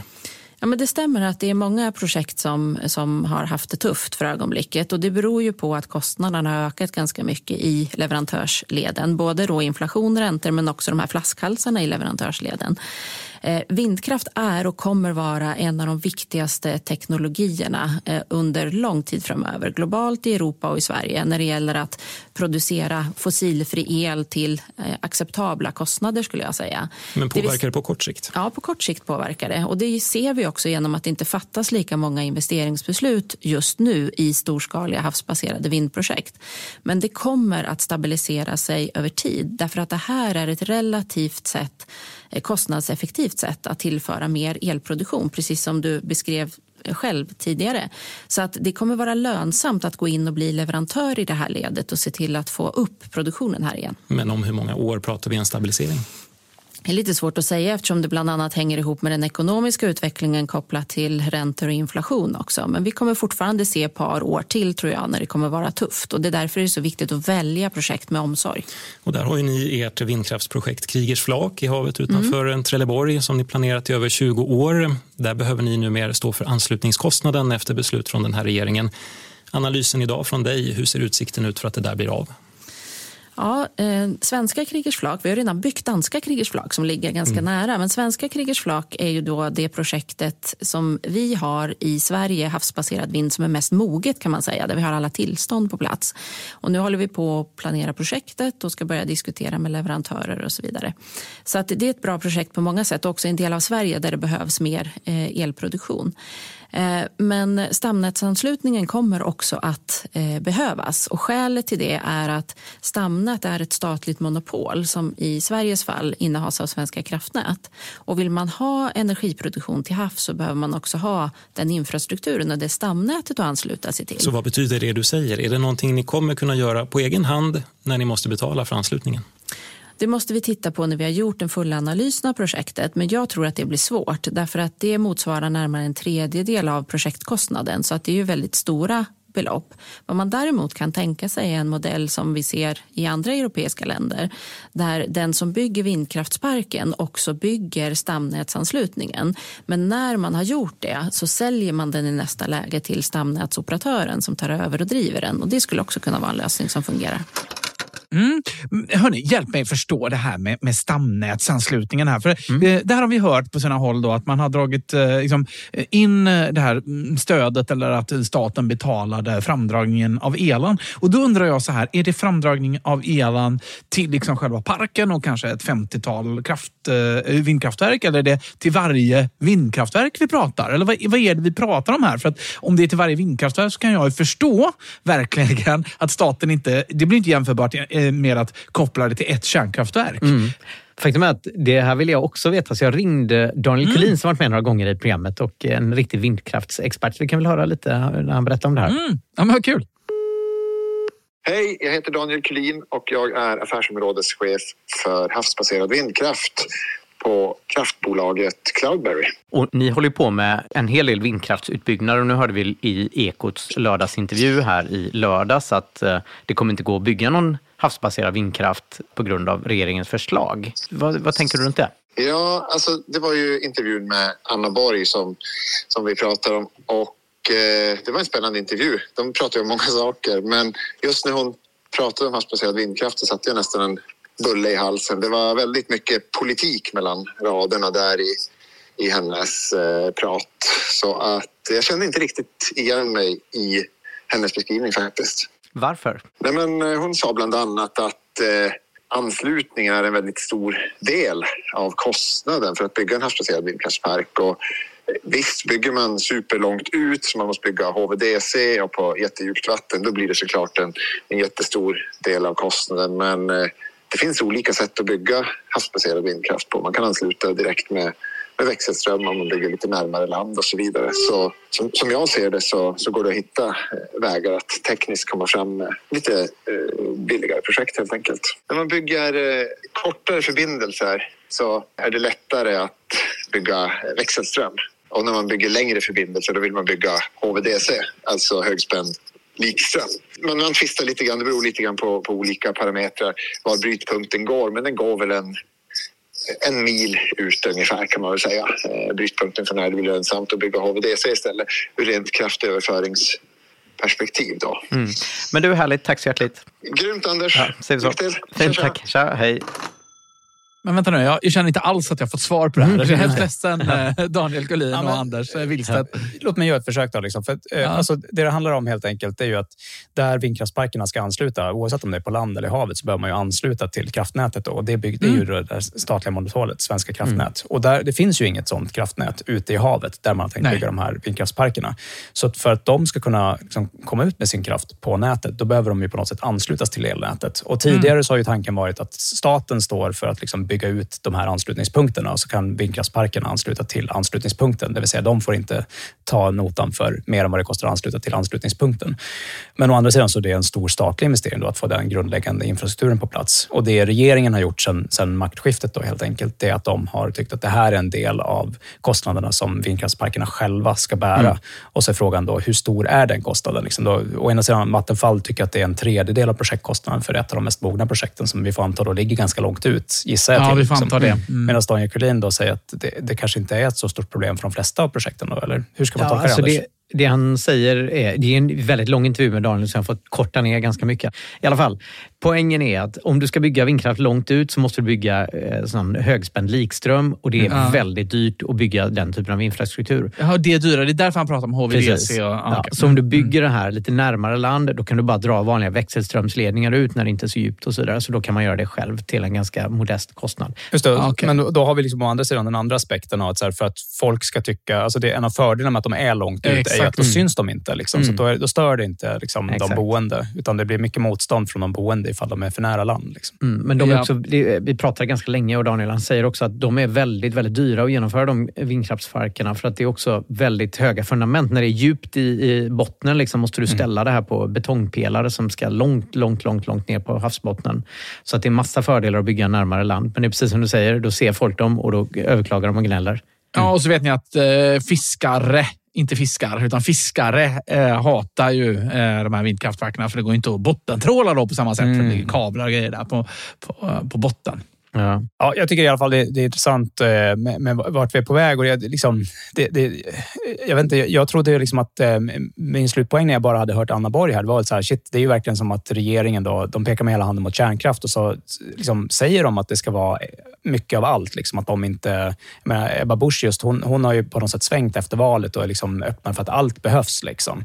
Men Mm. medan det i handling så har det liksom verkat som att de inte riktigt går den vägen liksom när de liksom, å ena sidan då verkligen kommer att överväga att skattesubventionera kärnkraften men inte längre vill då stå för anslutningspunkterna. Men, men, Men jag hoppas verkligen att eh, kärnkraften får stå för sin egen anslutningspunkt. Det har de ju redan. hör det här. Ja, de pratar ju, oavsett teknik så pratar man om att bygga eh, de här eh, antingen små SMR eller konventionella reaktorer på existerande kärnkraftssajter. Så det är inte tal om att öppna några nya kärnkraftverk så vitt jag vet. Utan vi har ju tre stycken i Sverige som är aktiva. Nya reaktorer då. Ja, Mm. Forsmark, Oskarshamn och Ringhals. De tre finns ju idag, så där, de bygger man ju ut då i så fall. Och där, där finns ju anslutning redan till elnätet. hörni, vad tror ni om att vi pratar bilar istället här i Bilpodden? Ja, kan vi göra. Kul. Jag tänkte nämligen att jag skulle få prata lite mer om Cybertruck också, för nu är ju leveranserna äntligen Ja. igång. Tesla har ju hållit sitt event och levererat de första bilarna. Och vi kan väl återgå i vanlig ordning när vi pratar Cybertruck. För hur känns det Ja. med utseendet på den här bilen? Har ni liksom Oh, ändrat det börjar ta sig. Anders, Anders skakar på huvudet här. Hur känns det den ser ännu mer grotesk ut när man ser den.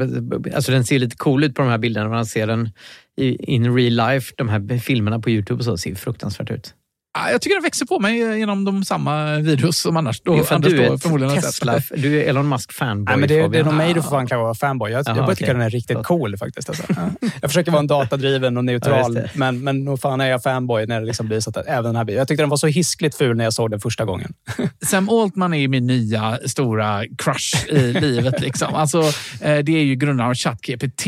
Eh, och han, han är ju OpenAI, en man de mest... OpenAI, precis. Ja, precis. Eh, OpenAI som har byggt ChatGPT och mycket annat eh, coolt. Alltså, han är ju fantastisk den mannen och har inte såna här vansinniga teorier som eh, Elon Musk har, som i och för sig mycket av det visar sig bli sant sen efteråt. Men, men ändå, alltså, han är så nyanserad Sam Altman och snygg är han också. Och, eh, ja, han är toppen. Alltså, det är bra tecken. Man, man frågar dig om Cybertruck och du svarar att eh, Sam Altman är bra. Ja, jag vet. Det här, mina vänner, är anledningen till att podden bara blir längre och längre. och du, Anders, du klistrade in en bild här på en av de tidiga designskissarna. På Sam där? Altman. Nej, förlåt. Cybertruck. Ja. Ja. Nej, men jag tycker den ser anskrämlig ut. Ja, det, man får ju säga att det är en polariserande design i alla fall. Eh, det, det får det, man det, får man säga. Men jag, jag tycker den växer på en. Att, eh, det, på något sätt, eh, och eh, det känns ju ändå Mm. som en ikonisk bil så tillvida liksom, att man kommer komma ihåg den. Liksom. Och man kan väl glädja Anders med att den kommer nog aldrig få köra i Europa med tanke på de här vassa kanterna. Och det var jag ganska tidigt ute och säga det kan inte vara trafiksäkert. Och det visar sig att det är inte heller tillåtet i Europa. Så det är mycket annat tror jag också som gör att den kommer nog inte se i Europa. I alla fall inte det här Fast formatet. den va? bilden som jag klistrar in där, det är ju inte den riktiga. Det är ju alldeles vassa spetsar. Nej, men Fabian är på en poäng. Liksom. Det där var väldigt dålig humor i en podd. Alltså, han har klistrat in en bild på en barnteckning som typ hans barn har, har ritat. Ja. Nej, men det är ju en, ett annat problem med Cybertrucken också. Är att den väger väl typ fyra ton eller något sånt där, va? Ja, det- faktum är att den är ganska lätt jämfört med många av de andra pickup-truckarna. Mm, så de har lyckats få ner, få ner vikten väldigt bra på den. Liksom. Eh, men, men som Fabian är inne på så finns det ju liksom, det är andra krocksäkerhetsregler i USA där man Ja. inte tar lika mycket hänsyn till hur man påverkar fotgängare vid en kollision. Så att De det- har ju inte så mycket fotgängare. Ja, men exakt. det är liksom- finns en det är ju anledning. De, de har hunnit eh, köra över dem. Liksom. Men, nej, men, eh, det är inte bara de vassa kanterna här, utan det är också så att karossen är gjord av den här liksom, exoskeleton, stenhårda, liksom, eh, rostfria stålet. Då, som, eh, alltså, det- är väldigt svårt att, att se att... Eh, annars så är ju motorhuvar i allmänhet ganska, är ganska mjukt material för att det ska liksom, Ja. mildra impact på en, en, en person som man kör på. Men hörni, jag tänkte vi skulle prata lite specifikationer här ändå. Då, liksom. Mm. Eh, och, Kul. Nu kör vi. Ingångspriset blir alltså 60 000 dollar för den här bilen som de har presenterat nu istället för 40 000 dollar som de pratade om i lanseringen för ett par år sedan. Så inflation. det är en ganska stor miss, även om inflationen såklart har hjälpt till det. Eh, Den toppspesade så kallade Cyber Beast får man betala eh, nästan 100 000 dollar för. Då, helt enkelt. Och då får man å andra sidan en bil som har knappt 50 mils räckvidd istället för de utlovade 80 milen som de pratade om i lanseringen. Så det är en ganska liksom, kraftig miss på Oj. specifikationen här, skulle man kunna säga. Mm, Det- jag vet att folk har varit väldigt besvikna på detta, förstått, eh, i sociala medier. Ja, ja men absolut.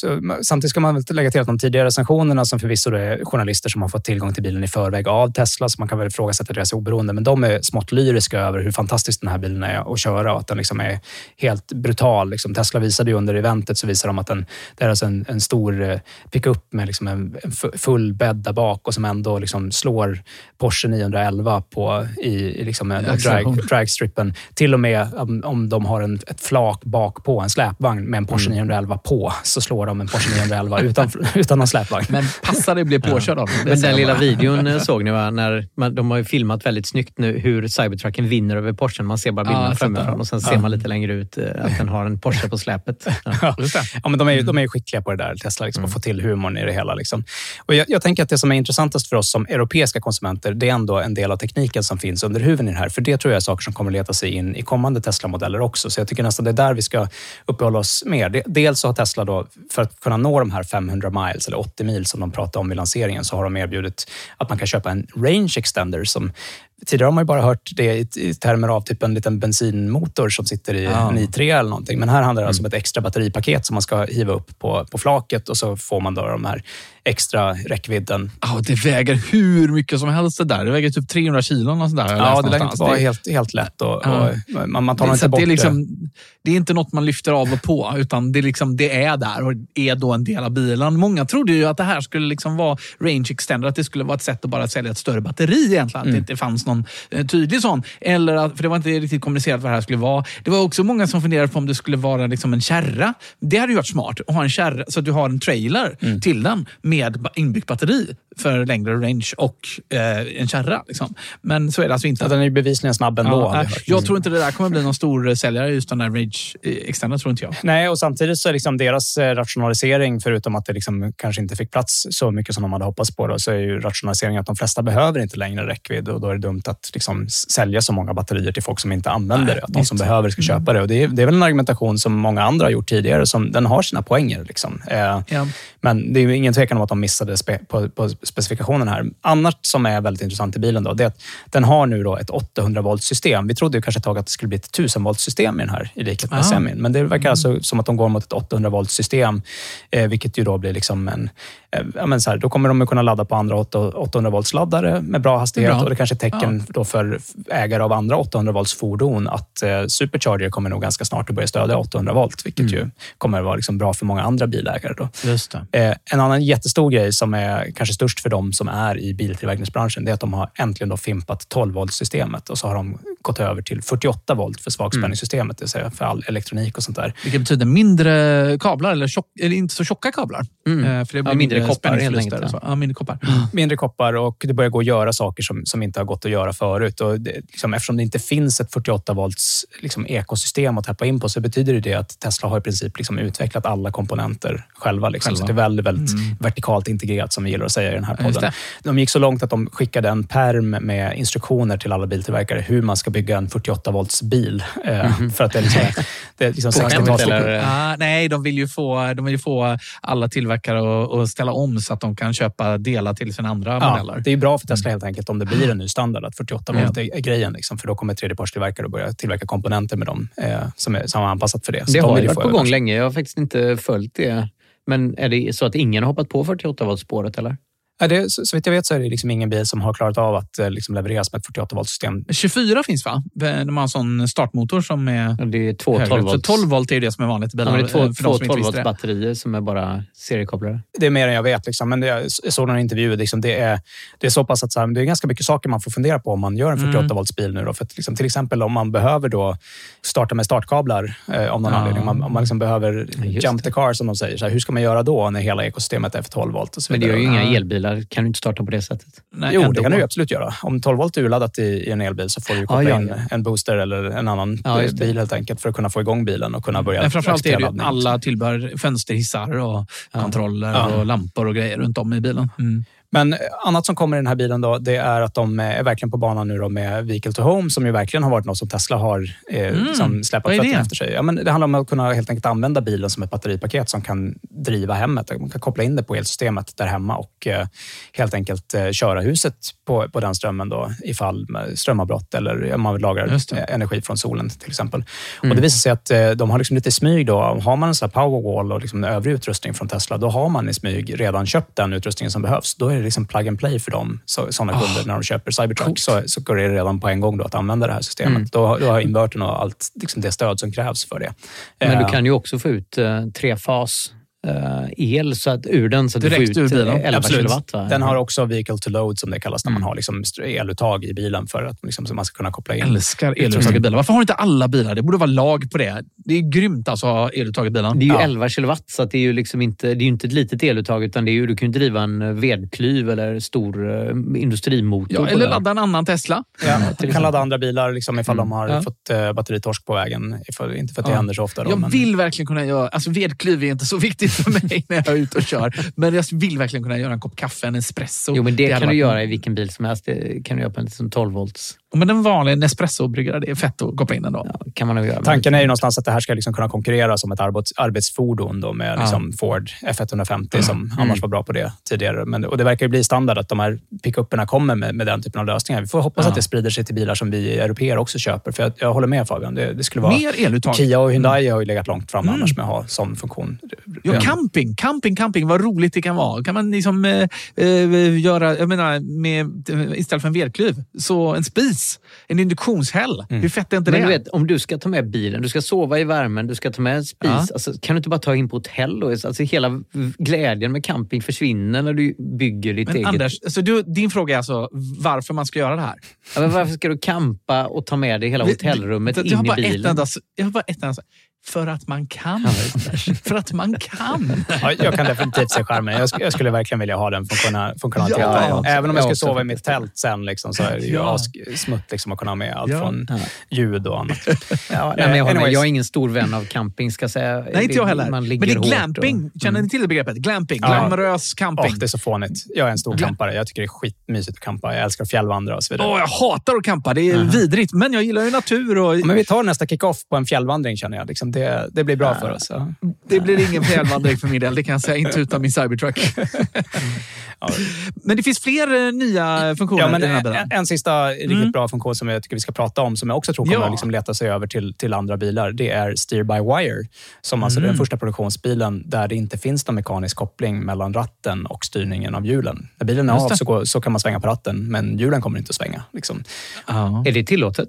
Inte i Europa va? Uppenbarligen tillåtet. Den här är typad och klar för att säljas. Jag har ingen aning om det finns några begränsningar i EU, men man kan säga att det här är ju liksom teknik som vi är väldigt vana vid och som vi alla har blivit utsatta för. För att alla liksom Ja. passagerarflygplan sedan 80-talet tror jag det är, eller åtminstone 90-talet. Yes, liksom byggs på det här jag. sättet.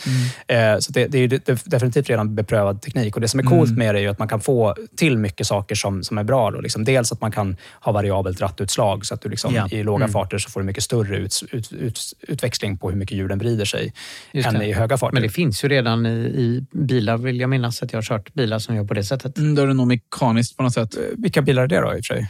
Ja, det var ett tag sedan, men jag är ganska Ja. säker på att jag har gjort det. Jag får återkomma. i Men hörni, alltså det Ja. betyder då att ratten är då bara någon slags joystick egentligen. Ja. Då, liksom. det, det, är bara, det, det är som en, en sån här dataspelsratt när man kör ett bilspel. Då, egentligen. Eh, då får man ju ingen liksom, feedback alls i ratten på hur, hur det känns i vägen eller ingenting sånt. Ja, men de verkar ha jobbat ganska mycket med liksom, återkopplingen så att det, liksom, det ändå Aha. finns eh, feedback där. Det är ingenting Någon som... force feedback-funktion som i dataspel. Ja, men jag antar det. Liksom. Det är ingen feedback som de som har Aha. recenserat bilen liksom, stör sig på. De, de säger att det är en stor omställning. Att man blir förvånad första gången man svänger bilen på hur lättstyrd den är. Liksom, Mm. Men att man snabbt verkligen börjar älska det. Det är fantastiskt helt enkelt. Mm. Och Det Tesla har gjort också då, som är coolt Mm. och som inte hade gått att göra och som jag inte tror har funnits i någon motsvarande mekanisk koppling tidigare, det är att de också då har bakhjulsstyrning på den här bilen. Mm. Eh, Men det och finns väl andra bilar som har det? Styrning på bakhjulen också? Jo, jo, men det blir svårt att få till med alla andra specifikationer. Så bakhjulen vrider sig alltså? Mm. Ja, både fram och bakhjulsvängen. Det blir så himla mycket lättare när du inte behöver ha en fysisk koppling mellan bakhjulen och Mm, ratten. Då, helt enkelt. Då kanske till och med jag kan parkera, fick parkera. Ja, den, här, den här är ju liksom en avsevärt större bil, då, men den har liksom, eh, en svängradie som är, är jämförbar med de andra Teslorna, fast de är Mm. mycket mindre bilar. Liksom. Ja, men det kan man i och för sig säga. Det är ju, alltså, Ja, de har ju ett fantastiskt svängradie till att börja med. Men, Ja, jag tänkte så här, vi har ju en konkurrerande på De kan något om bilar och vi kan något om elbilar. Och jag hade aldrig tänkt på det förrän de sa det att eh, liksom, Teslan har usel svängradie. Jag hade aldrig tänkt på det, liksom, men det är ju helt sant. Ja, jag, men jag usel svängradie på Tesla. framförallt vår Model X har jättestor svängradie. Liksom, jämfört Ja. med. Man får backa framåt, bakåt, framåt, bakåt, framåt, bakåt, framåt, bakåt, flera gånger innan man Mm. kommer in i sitt garage till exempel. Men Cybertruck Mm. har då i alla fall väldigt tight svängradie för att vara en pickup. Liksom. Mm, Eh, ja. Så att det, det, det är någonting att ta med sig. Jag tror att det är teknik som kommer... Så att ytterst så blir det ju också när det väl är moget. Det är ju såklart mycket Ja. utvecklingskostnader, men när det, när det är moget så blir det ju en besparing helt enkelt för dem att bygga Mm. Ja. på det här sättet. Så att, eh, det Mm. kommer nog att leta sig in i fler modeller. Den där autoparkeringsfunktionen har jag på min bil. Jag skulle Ja. prova den för ett tag sedan. Eh. Alltså det här med svängradio, på tal om svängradio. Ja, ja. Vet, så sätter jag igång den så här och så börjar den hålla på fram och tillbaka, fram och tillbaka, fram och tillbaka. Och sen så, jag, satt, jag och min son satt och tittade på den och åker fram och tillbaka. Och sen då så åker den in. Står alldeles snett i parkeringsplatsen. Så här, pling plong, så här färdig. Ser ut som en idiot har parkerat. Liksom. Det var absolut värsta upplevelsen. Vi satt och skrattade, jag och min son. Har ni, har ni använt det på riktigt någon gång? Liksom? Nej, det är helt Eh, värdelöst. jag har använt det jättemycket på min gamla Tesla. Mhm. På min, eh, eh, jag tyckte det fungerade bra på den gamla Autopilot-plattformen. Eh, men sen blev den ju väldigt långsam eh, Mhm. efter eh, Autopilot 2 och framåt. Eh, och precis det, den körde fram och tillbaka väldigt Mm. mycket. Samtidigt, eh, alltså den parkerar ju snabbare och bättre än vad jag gör. Ja, det är så? Okej. Ja, parallellparkering eh, eh, är väl sådär, men de här, när man- vad heter det när man står liksom, eh, nos mot rumpa på bilarna liksom längs vägen? Fickparkering? Fick, ja, Det är den bra på, tyck, tyckte jag då i alla fall. Men nu har jag Mm. Du, inte vi kan köra det lite kurs, har jag kan lära inte. dig hur man gör vid något tillfälle. Ja, alltså jag betalade ju för detta, trodde jag. Men sen så tog de ju bort de jävla sensorerna, parkeringssensorerna. Jag tror du menar då- att betala körskolläraren. Du kan betala mig Nej, så kan nej, jag lära dig. det, jag, jag tror det där får ni ta i ett annat forum. Jag tror det börjar bli Ja, dags att... nu, nu börjar alltså Alfred sätta på Ja, det- fuck off-musiken som man gör på så vi kallar det när ni ska pra- prata fickparkeringskurs tycker jag. Vi kan fortsätta efter, efter. Det blir en bonuspodd om fickpaket. Nej, jag är ledsen. Ja. Vad brukar Ja, vi ja. säga när vi ska avsluta? Ja, men vi brukar säga att om du vill stödja podden så är det bästa sättet att prenumerera. Och nu finns ju podden då tillgänglig på alla plattformar och poddspelare, Spotify och, och sådär också. I Teslan till exempel. Ja. För 29 kronor i månaden så får man podden helt utan reklam, tillgång till hela arkivet tillbaka till 2016 och så får man höra avsnitten lite tidigare. Det vet vi är det kanske allra viktigaste för folk. Så klicka direkt i Apple Podcaster-appen eller sök upp bilar med sladd plus på Spotify. Det har vi märkt att det är många som har börjat göra nu. Eh, eller klicka på Acast-länken om du använder någon annan annan spelare. Den finns i avsnittsbeskrivningen. Mm. Eh, på vår hemsida eh, bilarmedsladd.se så finns lite referrals och länkar bland annat till Tibber, det smarta elbolaget, så att den gör att man kan ladda billigare. Till exempel på natten slår den på då och laddar. Så nu när elen är så dyr i vinter så kan man använda våra länkar och ger oss då en liten klapp och bock. Och eh, jag tror man får lite pengar fortfarande på Tibber för att köpa saker för. Det finns referral-länkar till Y, X och S, inte Model 3, om man vill köpa en sådan från Tesla. Och Gör man det via våra länkar får man en liten klapp eh, på axeln eh, av både oss och Tesla. Ja, man får lite 5 000 kronor rabatt där tror jag också. Ja, så kan det vara. Och sen håller jag och Fabian på med den här vårdcentralen Hälsa Hemma. Vi har pratat mycket om i programmen också. Finns i Stockholm, Göteborg och Malmö. Eh, app, eh, läkarbesök och hembesök också med sköterskor och läkare och alltihopa. Kolla, kolla deras betyg på App Store. Alltså, det är helt otroligt hur nöjda patienterna är. Mm, vi tycker det är väldigt roligt att göra det Mm. där. Och många av er lyssnare blir patienter har vi hört. Precis, så se till att vaccinera er nu. Mm. Om ni inte gjort det hittills så nu är det dags att ni är friska inför julen. Annars kommer du vet, morbror och moster hosta på er så är ni sjuka sen till nyår. Det vill man inte vara. Tipsa gärna era vänner och bekanta om podden också. Vi är så tacksamma för att ni gör det. Ni, det är ni som hjälper oss att bli fler och fler, för vi är så dåliga på att marknadsföra podden i övrigt skulle jag säga. Det är bara er vi har att tacka för det, så ja, faktiskt. snälla, hjälp till.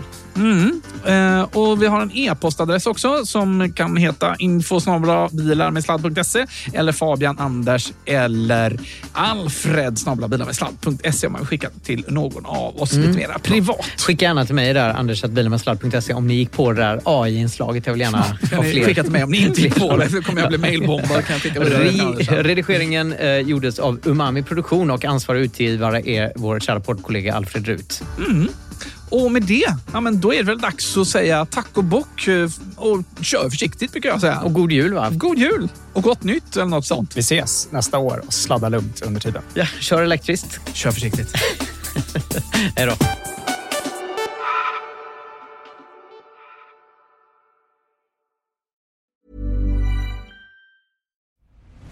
I'm Nick Friedman. I'm Lee Alec Murray. And I'm Leah President, and this is Crunchyroll Presents The Anime Effect. We are a new show breaking down the anime news, views, and shows you care about each and every week. I can't think of a better studio to bring something like this to life. And Yeah, I agree. We're covering all the classics. if I don't know a lot about Godzilla, which I do, but I'm trying to pretend that I don't right now. Hold it in, hold And our current faves. Luffy must have his due. Tune in every week for the latest anime updates and possibly a few debates. I remember, what was that? Mm. Say what you're gonna say, and I'll circle back. you can listen to Crunchyroll Presents The Anime Effect every Friday wherever you get your podcasts. And watch full video episodes on Crunchyroll or the Crunchyroll YouTube channel.